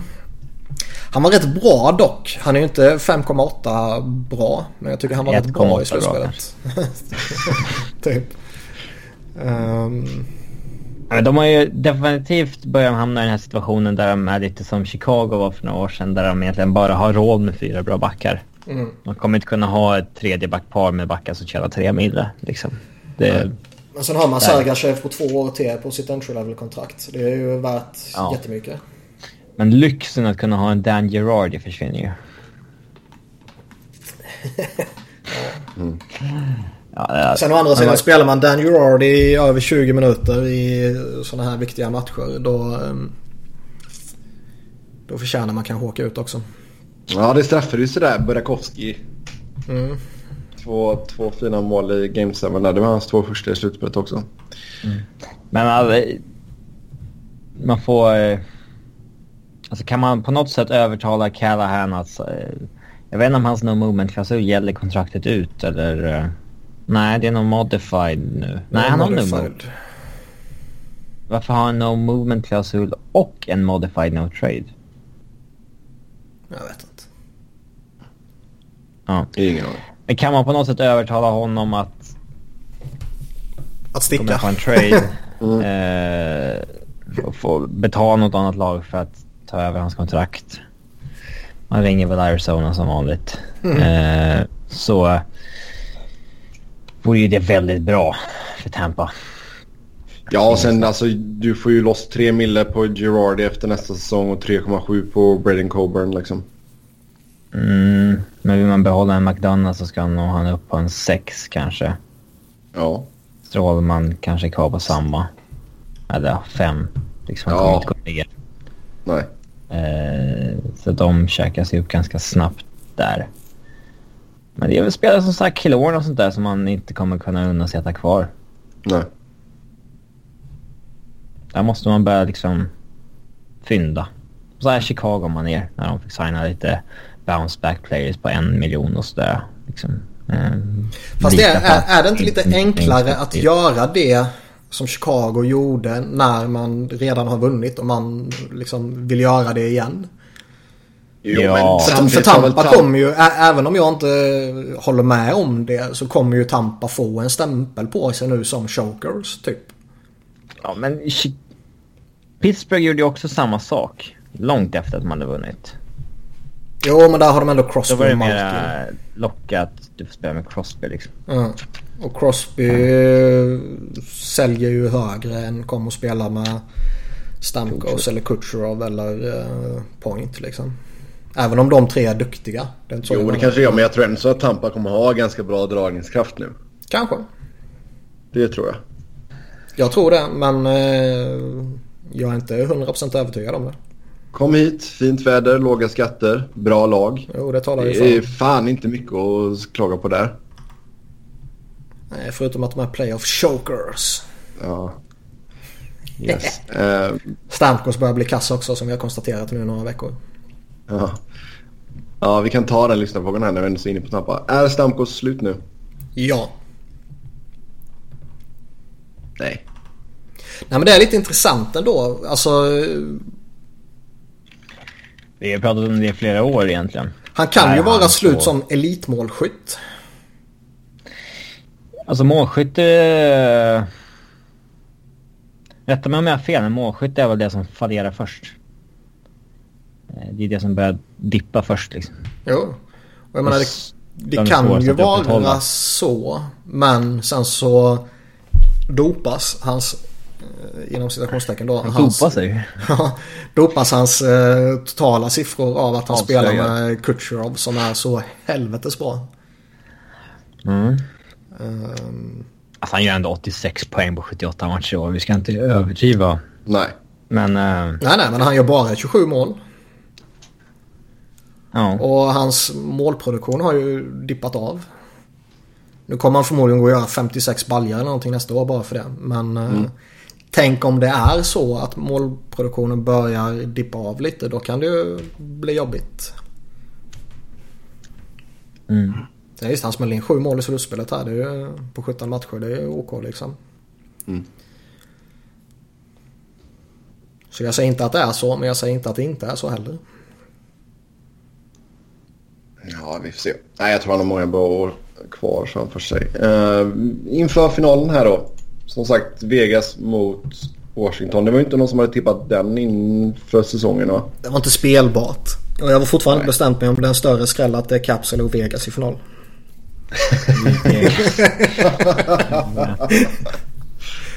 ja, alltså det blir bra storylines oavsett vilka det är som går och vinner den Antingen så får vi den här Leicester-aktiga succén då. Eh, från Vegas håll. Ja, vinner som, eh, som nykomlingar under sin första säsong i ligan. Det är ju helt barockt. Eh, eller så får Ovechkin då äntligen lyfta kuppen och eh, som Robin sa, förhoppningsvis visa double fucken åt allt och alla.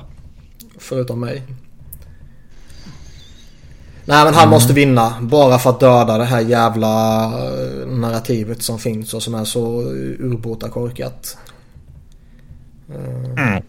Han måste vinna bara för att släpp, slippa det liksom. Och det är inte för att han behöver överbevisa hela uh, vad heter det? Hela liksom... Hela hockeyvärlden? Hela hockeyvärlden, utan det... Det är ju inte alla. Nej, det är ett gäng gubbar är det. Somliga är ju lika kloka, men som, eller i alla fall nästan lika kloka som jag är. Men eh, en stor del har ju ändå en, en, negativ bild av honom. Och för att döda den så behöver han gå och vinna. Det optimala är att han gör kanske typ åtta mål i finalserien. Mm. Eh, Men det kommer ju alltid finnas haters som då säger att ja, de slog ett expansionslag i finalen. Jo, jo. Men... De har ju slagit ut Tampa och... Det är bara att säga att jag hör det inte för jag har min Stanley Cup-ring i ena örat och håller för handen i det andra. Ja. Det är inte lika effektivt med bara en ring. det är viktigt att han inte spelar med Bäckström i finalen. Ja. Kuznetsov spelar med... Kuznetsov har ju varit bra utav helvete. Ja. Ja. Eh... Conn måste falla till Ovechkin också. Mm. Ja, men det gör det väl om de går och vinner. Det tror jag. Det beror ju på hur han gör. Ja, det är recency bias där också. Holtby kanske har en sjuhelvetes finalserie liksom. Uh... Alltså jag tycker Holt, Holtby har varit bra. Men jag tycker inte han har varit Conn klass. Ja men säg att det är alltså... Säg men vi håller två nollor och sen så... Och... och han håller fyra nollor absolut. Ja exakt. Nej det är helt sant. Um, nej det blir ju sjukt spännande detta. Natten till tisdag så drar det igång. Då jävlar. Mm. Men om vi alltså just Vegas och hela succén där och... Alltså Robin, vi pratade om detta lite förra avsnittet så det hade varit kul att höra din sida på detta också. Alltså vad säger du om allt det där som har liksom kommit fram nu i efterhand när folk försöker skylla det på att Vegas hade några optimala förutsättningar inför expansionsdraften och att ligan mer eller mindre såg till att de skulle bli bra. De fick väldigt bra förutsättningar tycker jag men de gjorde inte det bästa av dem. Nej.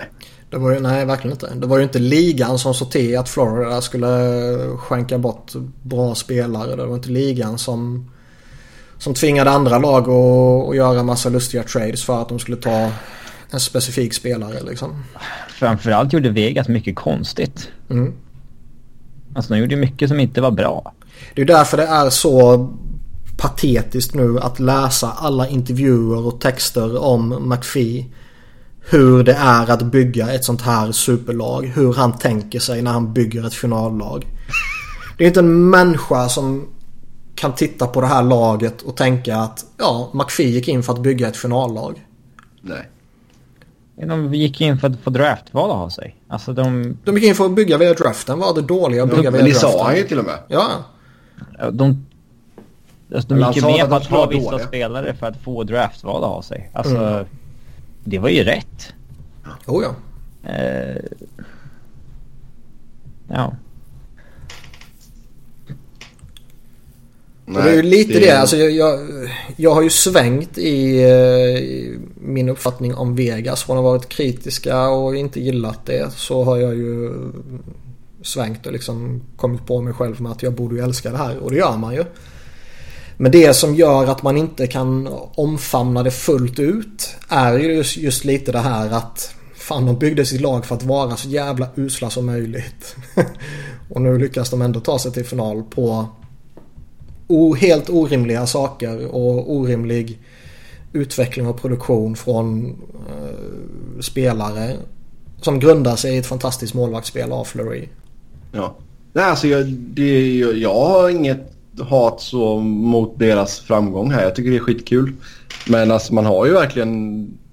Det är ju lite den där, vad är det, humlan-grejen liksom.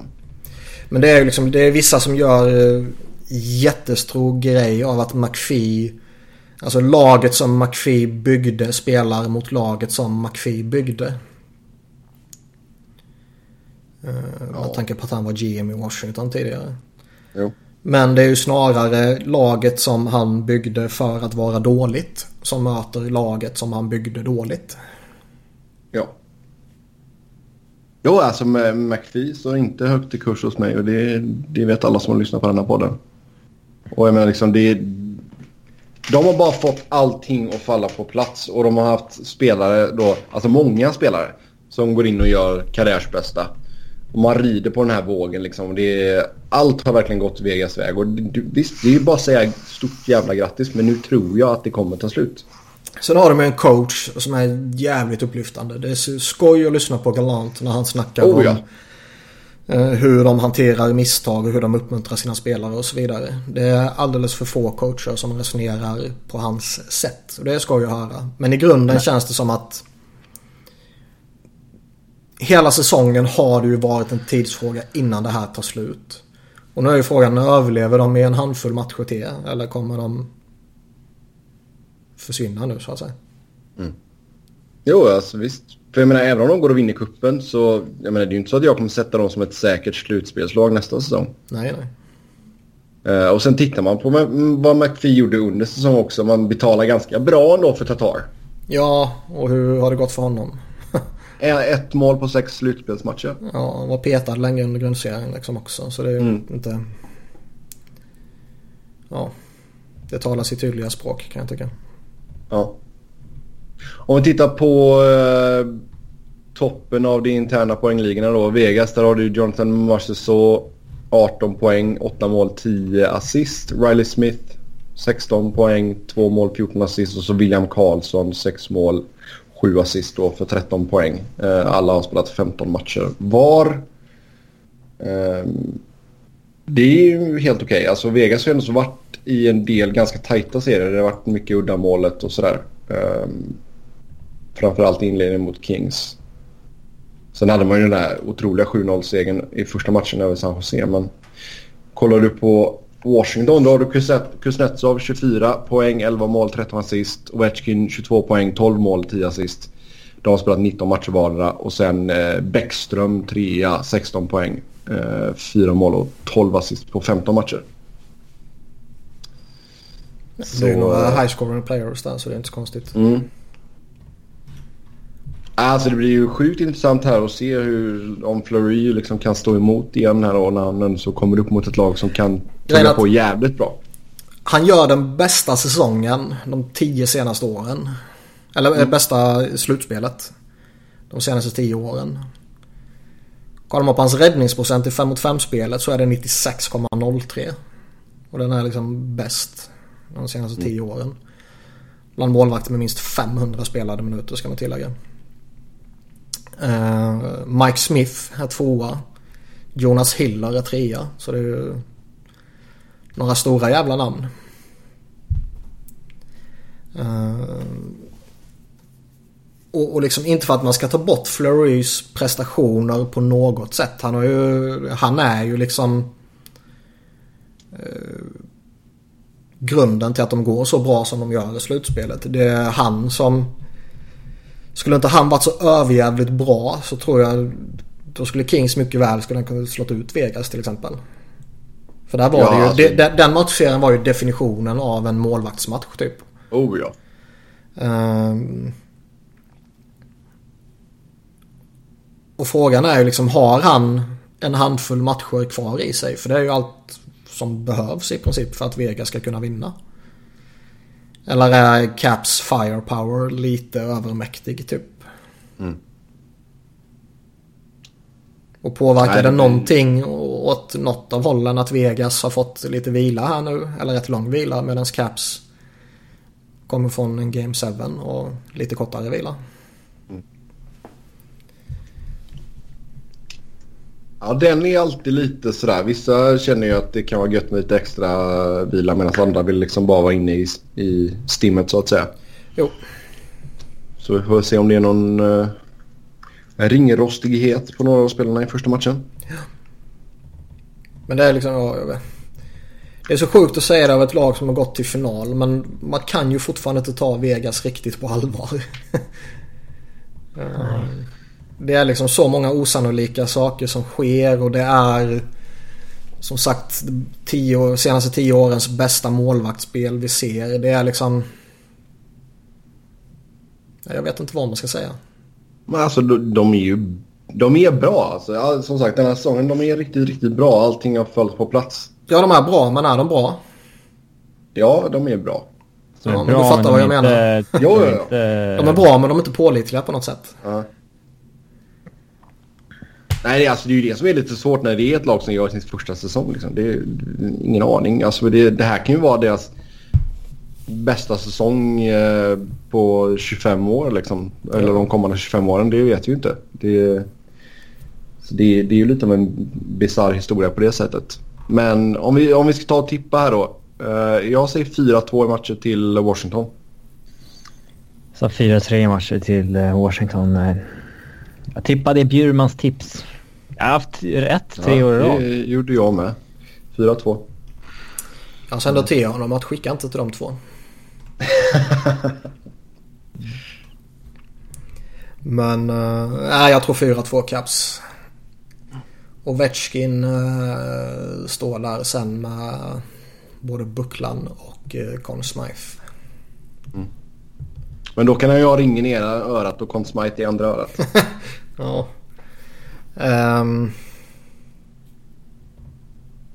nej, jag, ja, jag kan, jag kan verkligen, även om Flurry uh, eh, har varit så jävla bra och uh, mycket väl kan, uh, vad säger man, vinna finalen på egen hand typ. Så har jag, jag kan bara inte se, Vegas liksom. Det har man inte kunnat göra hela säsongen och nu kommer de väl svepa Caps med 4-0 bara för det.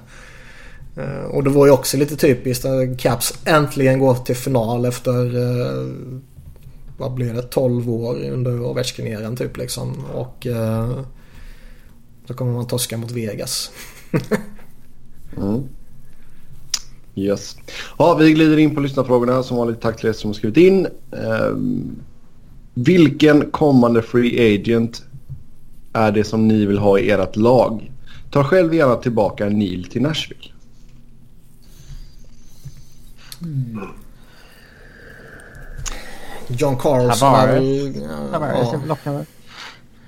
Ja, Tavares är väl... Ja. Jag tror han skulle kunna klara att vara, vara första center. Gärna. Nej, andra center blir ju bakom McKinnon. Uh, ja, det är ju samma sak där. Andra center bakom Kopitar. Nej. Jo. Andra center bakom Couturier.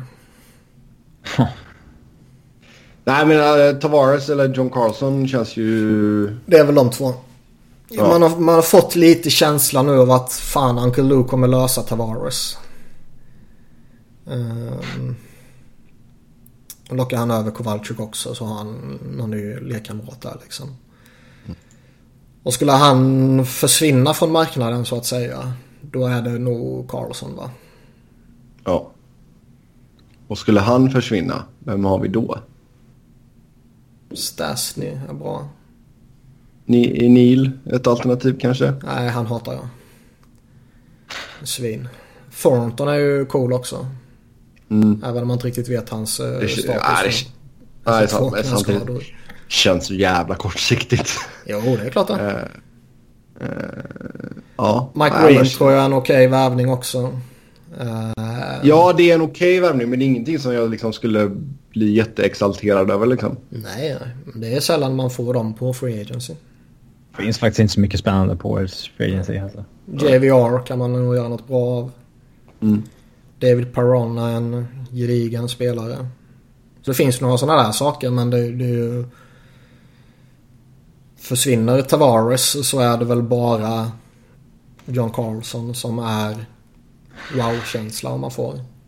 Ja, Thornton också men det är ju mer en coolhetsfaktor. jo. Ja, det är helt sant. Nej, jag bläddrar lite på listan här och nej. Inte... Känns som att när skulle kunna bli en ny Eric Stahl om någon signar något vänligt kontrakt med honom. Så blir det så här... Oj, Han går väl tillbaka till Rangers va? Kanske det. Det snackas om det direkt ju. Se om de där grejerna sker om Maroon kommer tillbaka till Edmonton och... Ja. Ja, det är sant. Ja, eh, blir huggsexa med Jack Johnson istället. ja. Sexigt värre. Ja, oh ja, oh ja. Eh, sen är det någon som skulle vilja veta mer om spännande prospects i Phantoms. Vilka kan ta ett kliv till NHL de närmsta tre åren. Sanheim är ju givet, men det andra? Frågetecken.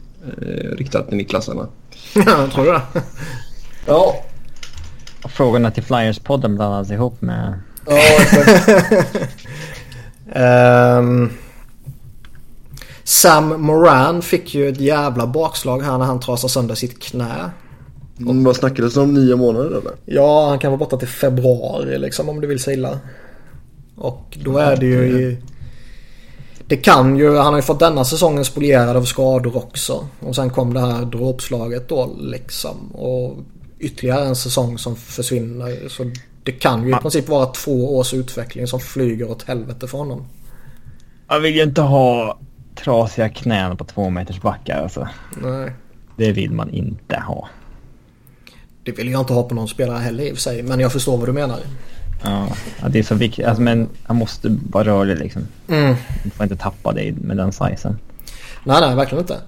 Och det känns ju, vill det sig illa kan ju det vara förödande för, eh, för hans utveckling och hans NHL-chanser.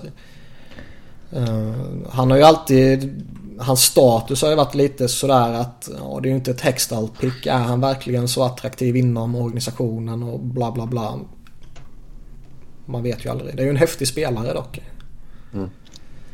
Eh, Men han kan man ju avskriva den närmsta tiden i alla fall. Philip Myers är det ju många som hoppas tar en plats kommande år. Och... Eh, han borde nästan kunna göra det.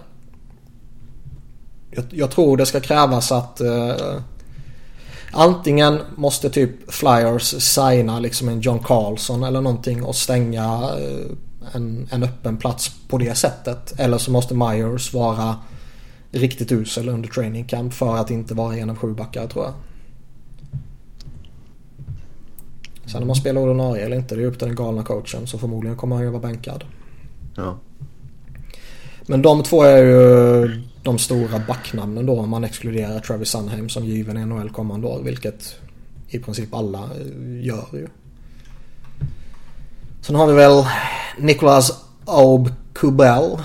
Som jag inte riktigt vet om det är ett korrekt uttal eller inte. Vars utvecklingen har tagit fart. Um, ser ut att kunna bli något, uh, något, något vettigt på NHL-nivå. Det är inte så att han går in och gör 40 baljor i första kedjan direkt. Men någon, någon vettig spelare lite längre ner ska nog kunna funka. Um, hur ser det ut för Ladislav Skurko, ert val från 2004? det ser nog illa ut. Mm. Sen har vi Mikhail Vobjev. Han som var med i JVM för något år sedan och gjorde det så fantastiskt bra med Kaprizov. Uh, kanske lite tidigt redan nästa år men uh, ytterligare ett år senare så borde han kunna knipa en plats. Han ser spännande ut. Skurko var för övrigt han som hamnade i fängelse för att han mördade en domare. Mm. Ni inte kopplade det. Skurko, skurken Skurko. Ja. Hej! Men det är väl de namnen som står ut lite sådär känner jag. Uh, sen är det ju ytterligare typ både Carter Hart och Morgan Frost har ju anslutit till Phantoms under slutspelet här. De har inte spelat någonting utan mer varit för att se och lära typ. Så vill man inkludera dem i Phantoms snacket så ska ju de två med givetvis också. Mm. Carter Hart kan ju kanske knacka på en eldare redan kommande säsong medan Morgan Frost förmodligen får vänta. Uh, har man gett upp på Stålarts förresten? Nej, han gick ju sönder och var ju borta hela säsongen. Trasade mm. ut knä. Och har också två allvarliga knäskador bakom sig. Uh, Men jag vet fan hur, hur man gör med honom faktiskt. Det, det börjar bli tjockt av målvakter nu. Det är många målvakter som kan vara i AHL Carter Hart som kommer kommande år. Sen Stålats och Lion. Till skillnad från utespelare så måste man, man har ju bara ett antal platser för målvakter. Ja. Man kan liksom inte ha Och Sandström har signat nu också sätt. liksom. Nej. Och man kan inte skicka ner dem i ECHL heller. Där är det för bra för liksom. Sandström kan man ju skicka hem till Sverige och det kommer rimligtvis bli så känns det som. Mm. Men... Uh,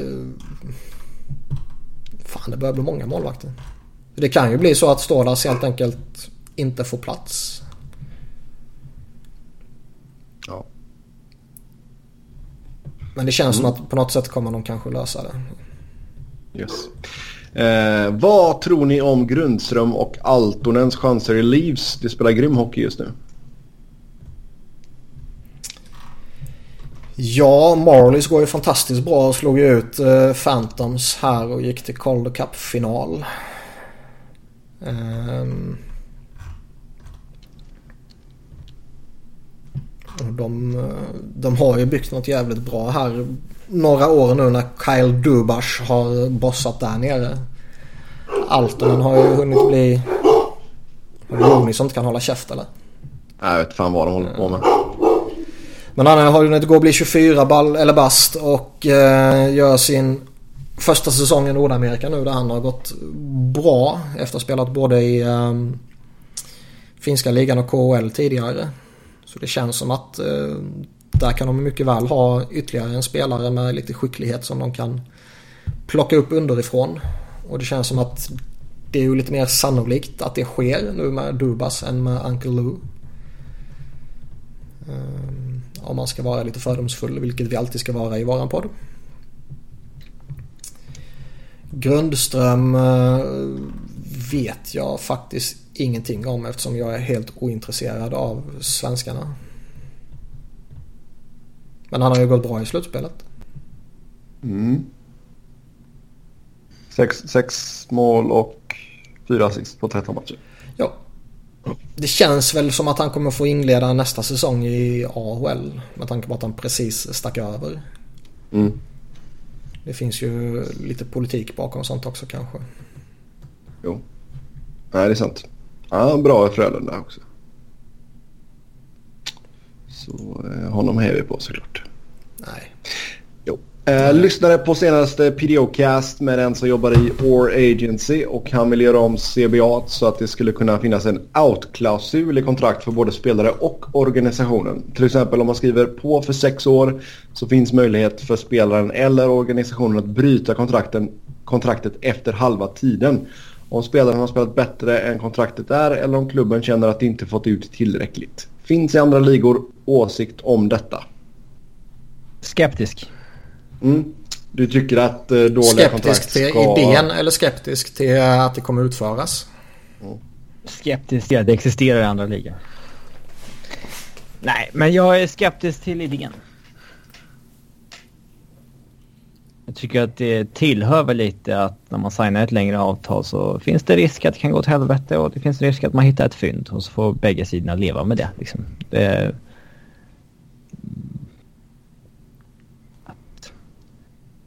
ja, det ska finnas någon renegotiating-period mitt i ett kontrakt. Eh, Alltså det har man ju i andra ligor här borta.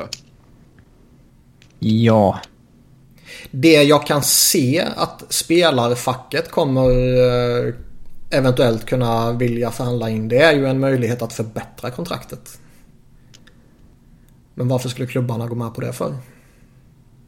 Nej, det finns ju ingen anledning att signa ett längre avtal med någon alls egentligen. Alltså... Det finns ingen anledning att riskera att signa för dyrt med någon då, på längre. Mm. Nej, jag, Nej, jag alltså- håller med Robin i det här att eh, signa kontraktet sen får man stå sitt kast från båda hållen oavsett om det blir bra eller dåligt. Ja. Eh, Rakell kommer förstå för att han är underbetald nu, Mm. många år. Och andra lag finns de som får stå för att de betalar någon alldeles för mycket. Eh, Det är väl lite, det är väl lite charmen med att signa och ett lönetak och liksom ha den... Tvingas göra den avvägningen och så vidare. Ja, så ska man ha den här eh, möjligheten att förhandla om kontrakt. Då är väl det, känns bara det liksom relevant om man inte har ett lönetak kan jag tycka. Ja, annars så... Det blir jävligt svårt att planera då, som GM. Ja. Lagbygge. Mm. Nej, jag håller med. Man får stå sitt kast helt enkelt. Eh, För något år sedan så hade ni en redraft av årgångarna. Intressant att se och höra om det typ de sista 4-5 åren. Hur ni ser på den nu och vilka som flyttas upp och ner. Så eh, ska vi börja med draften 13-14 då. Vad slutade vi? Det kommer jag inte ihåg om jag ska vara helt ärlig. Vi slutade väl mm, 16-17. Eller slutade vi 15-16? Robin, sånt här ska du komma ihåg. Jag minns inte det här. Gjorde vi... eh, Kommer du ihåg att vi gick igenom drafterna och gjorde om dem? Ja, men... Eh, Hade vi med 15 med McDavid och Eichel? Det tror jag nog att vi hade. ja. Jag tror vi kan ha slutat på att Det var 14 väldigt länge var det sista vi gjorde.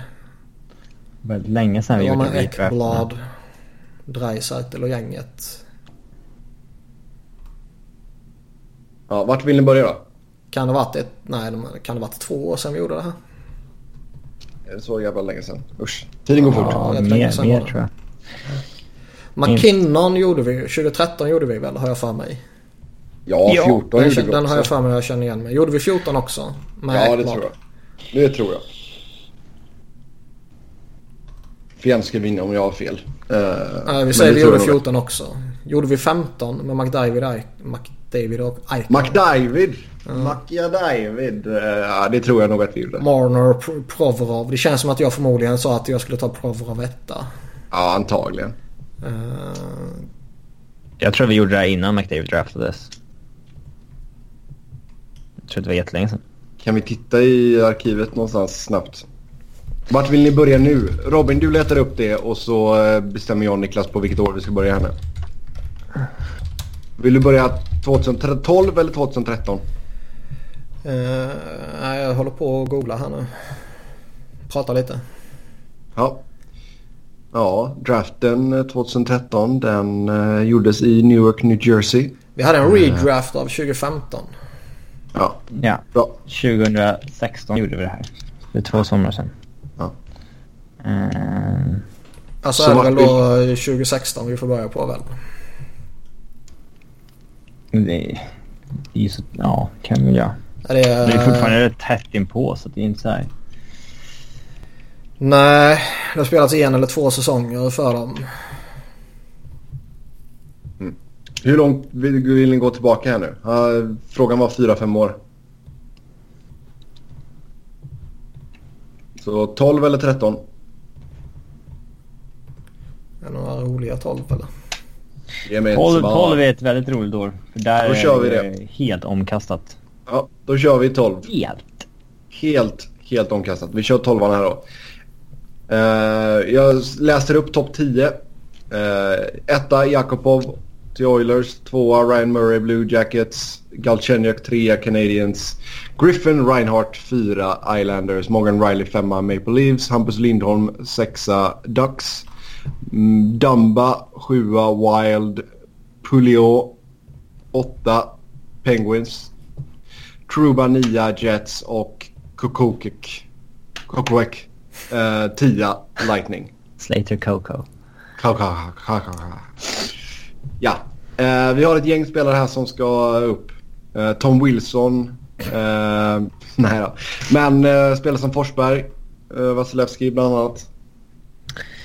Tre, eh, två backar i tredje rundan. Gosisberg och eh, Paraiko. Som ska Mm. upp en hel del. Eh, Vi gör om topp 10 Det var då. väl någon som gick supersent? Det har vi inte va? Nej. nej, Colin Miller typ. Eh, Slavin såklart. Matt Murray. Nej men jag menar alltså typ sjunde rundan. Det är det ju inte. Jaha okej. Eh, Christian Joos. han ska inte upp på topp 10. Nej. Helleback gick i femte rundan. Roligaste med det här kommer jag ihåg var att Sebbe blev skitlack när vi vägrade att drafta Quick. Alltså... Ja, vad gjorde vi? Vi gjorde topp 10 eller topp 15. Ja, topp 15 tror jag vi gjorde till och med. Vi håller oss till topp 10 nu. Vem är etta? Jag tycker det är svårt. Alltså när man vet, eller man vet ju inte, men när man ändå har fått väldigt tydlig indikation. Mm. Tar man Hellback etta här då? Nej, Nej, man tar Forsberg. man tar nog Forsberg. Exakt lika många poäng som Galchenyuk. Men på ett hundratal färre matcher. Ja. Uh, duktig och så vidare men bara Sen har- 60-poängsspelare. Sen har han ju sabbat i Men det Oilers, det är en ingen annan sak. Nej, nej, nej men jag menar liksom värderar man då en förmodligen jävligt duktig målvakt högre? Det är det jag menar. Så länge man bara utespelare så tycker jag väl Forsberg är etta. Nej men alltså. Du kan hitta en målvakt. Ja, kanske. Alltså du har, ju, du har ju tre väldigt bra målvakter i den här draften. Men jag sätter, jag sätter Forsberg som etta. Så det, det är två mot en där. Ska nog fan ta Vasilevski före Hellebacken då. Ja. Ja, men någon av Men, de två. eh, Jag, vad- jag, tycker, jag tycker det är dött lopp mellan de två. Men jag tycker ändå det är en eh, relevant fråga att ställa om man, när man vet att man har någon av de två och vad de förmodligen kommer bli och vad de redan är. Väljer man det före random 60-poängs winger? Sex, ja, du undersellar Forsberg rätt rejält. Ja. Men han är ju det. Random 60 poängs winger. Ja. Ja, det, det är töntigt att han har valt att kalla sig Forsberg och så vidare. För att efterlikna Peter. Men det, det är ändå en elit forward, tycker jag. Forsberg etta. Men sen ska vi inte glömma Matt Murray i den här diskussionen heller när vi snackar Vasilevski Helleback. Nej, det är Nej, sant. Det är ett lopp mellan de tre alltså. Mm. Men är det de tre som kommer näst här då? Usel, eller- alltså. Nej, nu kommer ju Ghost. Nu är det svårt att välja mellan Hampus Lindholm. Eh, för jag har sett någon som gjorde en redraft av den här och då gick Lindholm etta. Okej. Eh, Det är alltså... Lindholm, Parayko och Ghost är kanske den bästa av tre backarna. Truba. Lindholm Nia. tycker jag ju fortfarande... Han är jätteduktig och i princip allting han gör är ju på en jättehög nivå förutom hans produktion. Ja, det är svårt att liksom... Ja. Alltså Niklas vill ju kuppa in Ghost här. Det är ingen kupp. Nej då, den kan jag faktiskt ge dig. Ehm, ja, det är Så, klart. go, så Ghost till Blue Jackets då. Istället för Ryan Murray. Så ni får Ryan Murray. Men alltså jag, jag tycker väl fortfarande Så frågan... draftat det här var. Egentligen. Alltså Ryan Murray tvåa, Griffin Ja, Reinhardt Griffin Reinhardt. Fast Murray var ju hypad. Ja, Ja, Det var ett Jakob jävligt också. stort namn. Så Men det, det var var inte ju fel liksom- så ju. Det var inte så off the charts. Nej, nej. nej. Det är inte som att, det för är inte som att trada för Griffin Reinhardt två år senare. Nej. Eh, Morgan Riley får vi inte glömma heller. Alltså, nej, det här är riktigt svårt. Det är ju det är en jävla sjö av spelare som är liksom typ på samma nivå i princip. Men eh, Ghost tvåa där då. Eh, Ja då, det är väl... så får du in eh, Lindholm som trea. Mm. Sätter vi Pareko fyra. Jag tycker snart det är dags för målvakterna. Sätt måltrion på rad. Ja, då har vi Pareko fyra och sen har vi då Vasilevski, Helleback, Murray som femma, sexa, Vilken sjua. ordning du vill. Vilken ordning ni vill, exakt. Så de är femma, sexa, sjua. Plats åtta. Ja, nu måste vi väl in en more... Antingen Galchenyak eller övriga backar som var på samma nivå som de vi har nämnt. Eh, Riley. Eller Truba. Mm. Fredrik Andersen. Nej. Um, Cody Ceesay. Nej. Andersen, är hans först, var detta hans första draft eller andra draft? Andra. Ja, den då, det gills ju inte. Varför det? Nej, det vet jag inte. Jag bara det. Jag Han är inte på samma nivå som de där tre då. Nej, han är inte... Nej, jag håller med. Vad sa ni? Galchenyak eller någon av de andra backarna typ? Ja, Riley. Galchenyak, Truba. Truba eller Riley. Nej, jag är nog inne på Galchenyak då. Mm. Ja, då tar vi Galchenyak som åtta. Och så, ja, smaksak. Truba eller Riley som nia. Riley. Ja. Riley nia, Truba tia. Mm. Så ja. Vilka Ja, den- Man, man minns den här draften, alltså hypen kring Jakobov, Murray, herregud. Grigorenko, eh, Terraveinen. Girgensons. ehm, ja, Mm. det, Ville pocka. Griffin Reinhardt. Vilka är vi? Nobbar då. Vi nobbar uh, Vilka som trillar ut topp 10? Jakobov. Hertel, Terravainen. Ja, det menar så ja. ja. Alltså, ja, inte som trillar utan som ändå... Kanske Som kan... du vill ge honorable mention till. Ja, Tanner typ. Pearson nobbar vi ju. Eh, dubbla cupringarna Polymäten nobbar vi. Mm. Martin Damba. Damba. Semgus. Henrik Samuelsson. Ehm, ja. Cody Ceesay. Radek Faxa har ju tagit lite tid på sig men uh, börjar ju sakta men säkert bli rätt vettig. Oh, jag, tycker, ja. jag tycker inte han är aktuell för topp 10 så men... Uh, Anathanasio. Mm. Också inte upp på 10. Brady Skelly. Slavin är ju faktiskt kanske lite honorable mention där uppe. Ja. Eh, vidare då till eh, 2013.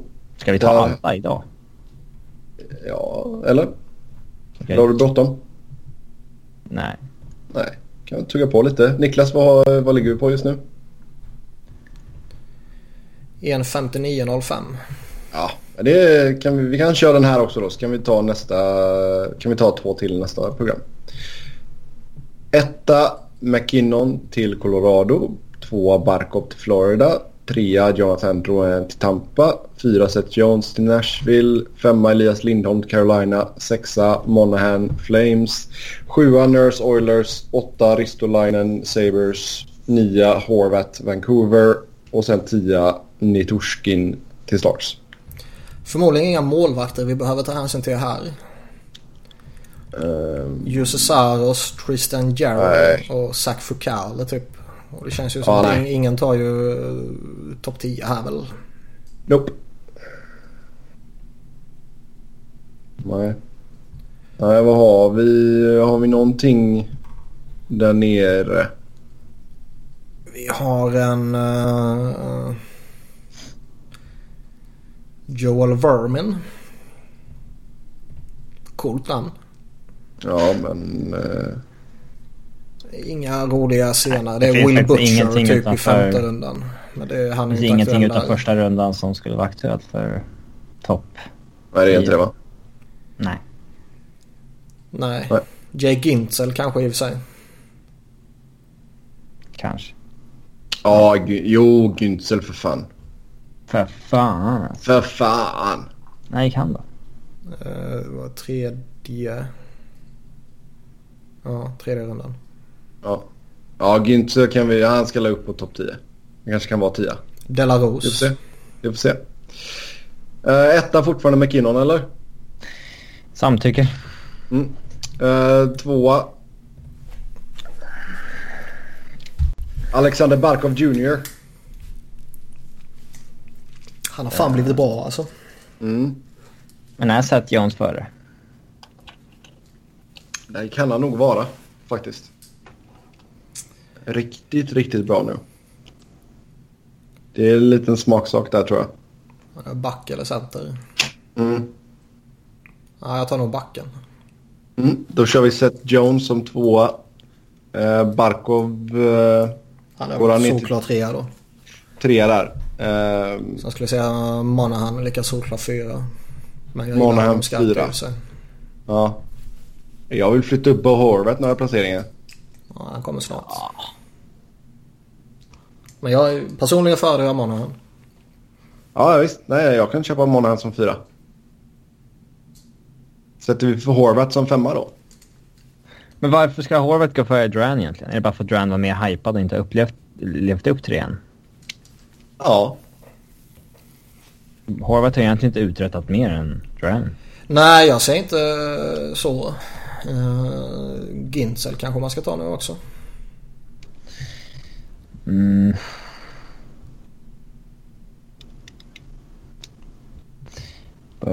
Rakowski kommer ju upp och nosa på topp 10 också tror jag. Ja.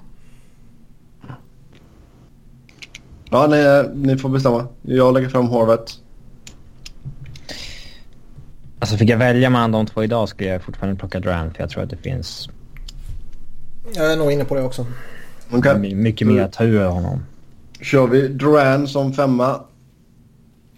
Får Horvath vara sexa? Eller vill ni ha Güntzel där? Ehm. jag känner att jag skiter i vilket. Mm. Då säger vi Bo då. Bo sexa, Güntzel sjua.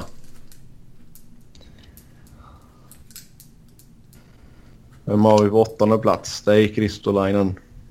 Kanske kvar där.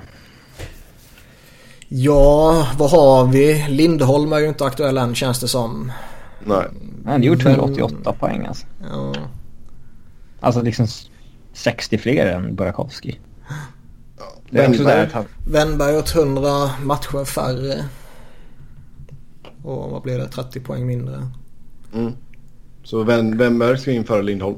Haft en svag säsong som man ju lite... Hade det gjort sådana för ett år sedan hade vi nog haft Wennberg Ja. före på Harvard liksom. Men... Eh, nej, ruskigt svag säsong av honom i ryggen. Men han går väl ändå in här va? Ja. Om vi har kvar Ristolainen som åtta, då går väl Wennberg in som nia och så Burra tia. Så får Lindholm vara elva helt enkelt.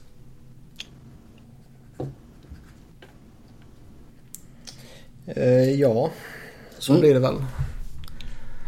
Det här gick ju fort. Vi kan väl ta en till eller? Vad dumpar vi för något då? Då är det Lindholm vi dumpar. Darnell Nurse. Och så Nitushkin. Domi. De är tolva. Där kan han nog vara kvar. Ja, men jag, jag menar inte som vi dumpar ut från topp 10 utan som vi... Ja, okej, okej. Anthony Manta. Ja. Shea Theodore. Ja den jävlen. Josh Men det känns Morris som är att också. det... Ja. Men det känns nog att jag hade nog velat se en till bra säsong av eh, Theodore innan jag pluppar upp honom. Mm, jo. Det ska ju gå högre helt klart. Men... Uh, Hunter Shinkarak. Han blev det inte mycket av. Nej. Han hånades ju lite när Jim Benning för när han tradade bort mot Granlund. Där fick han rätt. Mm. Den gamla dåren.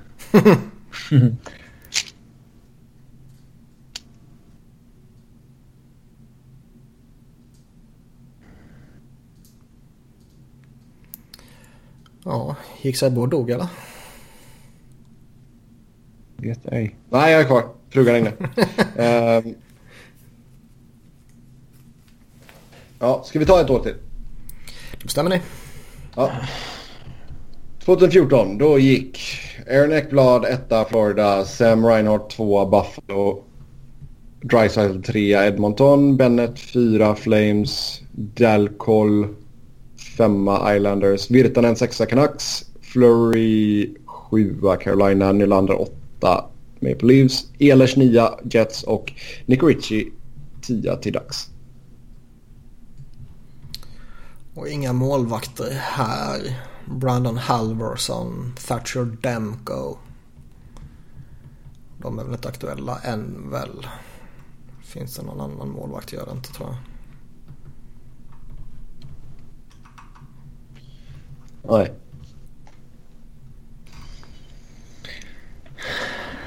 Vem tar ni som etta? Ilja Sorokina har ju inte riktigt fått den väl.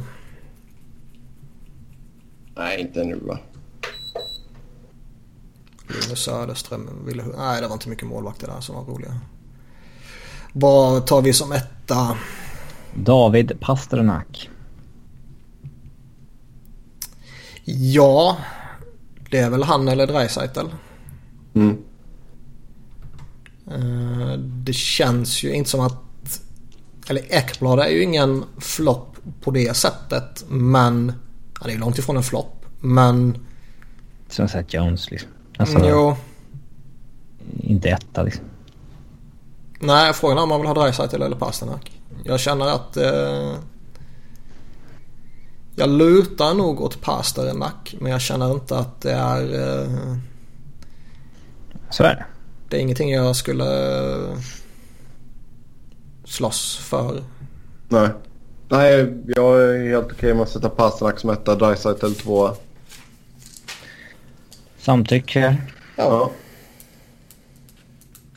Trea då? Eh, nu tycker jag det öppnar upp sig lite. Jag lutar nog åt Ekblad ändå. Men det finns faktiskt ett gäng alternativ. Med lite Ehlers och Larkin. Arvidsson, Nylander. Point. Point ja. Han har inte gjort så många poäng så han sticker inte ut. Nej, Man ska ju ta honom för en Sam Bennett idag om man säger så. jo. Mm. Nej, men vi kan väl sätta Ekblad som trea, det är väl helt okej. Ja, jag tycker nog det ändå. Ja. Fyra. Sen har vi ju Robbie Fabry. Som har... eh, Jag undrar om inte han skulle fått eh, skadeproblemen. Var han skulle gå idag då. Det känns som att han var på gång på riktigt där. Ja, fast nu blir det väl att han faller lite kort. Jo. Men tänk om. Tänk om. Men vad drar vi med nu? En point eller en... Jag säga. Ehlers vill jag säga. Ja. Ehlers fyra då. I point femma. Ja. Och Sven Nylander sexa. Jag vet inte. Nu är det rätt öppet mellan Larkin, Arvidsson och Nylander känner jag. Men... Eh, Ja, men då, så, då kör vi Nylander, Larkin, Arvidsson. 6, 7, 8. Ja, det kan vi göra. Nia då? Mm. Adrian Kempe. Nej. Tror vi. Ehm, Ja, vad, han ska väl in på en topp 10 här eller vad? Nej, Eller? inte ens Eller? klart han ska. Ah. Jo då. Reinhardt får man väl slänga in. Ja. Ja. Tråkigt men visst. Han har ändå gjort så pass mycket poäng. Alltså... Det är lite som med Dran liksom. Bara för att det hypades högre. Han är fortfarande uträttat mer än vissa andra. Mm. Vad har vi nu? Vi har Bennett, Schmaltz, Dvorak, Fabry, Fiala. Har vi lagt in, har vi lagt in point och... Ja. Ja. Alex Tuck. Tuck. Mm. Hosang. Ja, Hosang inte nu va? Anders Björk. Eller Björk. Björk. Björken! Ja, Kapanen. Sandheim. Ja. Eh, Känns som att det är ganska stor klunga med spelare där. Connor Blakely är superval. mm. 23 plats. Herregud alltså vad snett. Det gick. Mm. Ja, nej nu får vi bestämma oss. Nia. Eh, Schmaltz. Okej. Alex Tusch kanske snart. Ja, vi säger Tuckan på tian då. Det var tråkigt. Nu går Och vi bara på. Vegas-hypen. Ja. In på Vegas-hypen. Eh, vi kör eh, 15 och 16 nästa program gör vi. Med det då så tar vi och säger tack och hej för den här gången. Som vanligt så kan ni köta hockey med oss via Twitter. Mig hittar ni på ett Seb Noren. Niklas hittar ni på ett Niklas Wiberg, Niklas med C och enkel V. Och Robin hittar ni på R underscore Fredriksson. Tills nästa gång, ha det gött. Hej!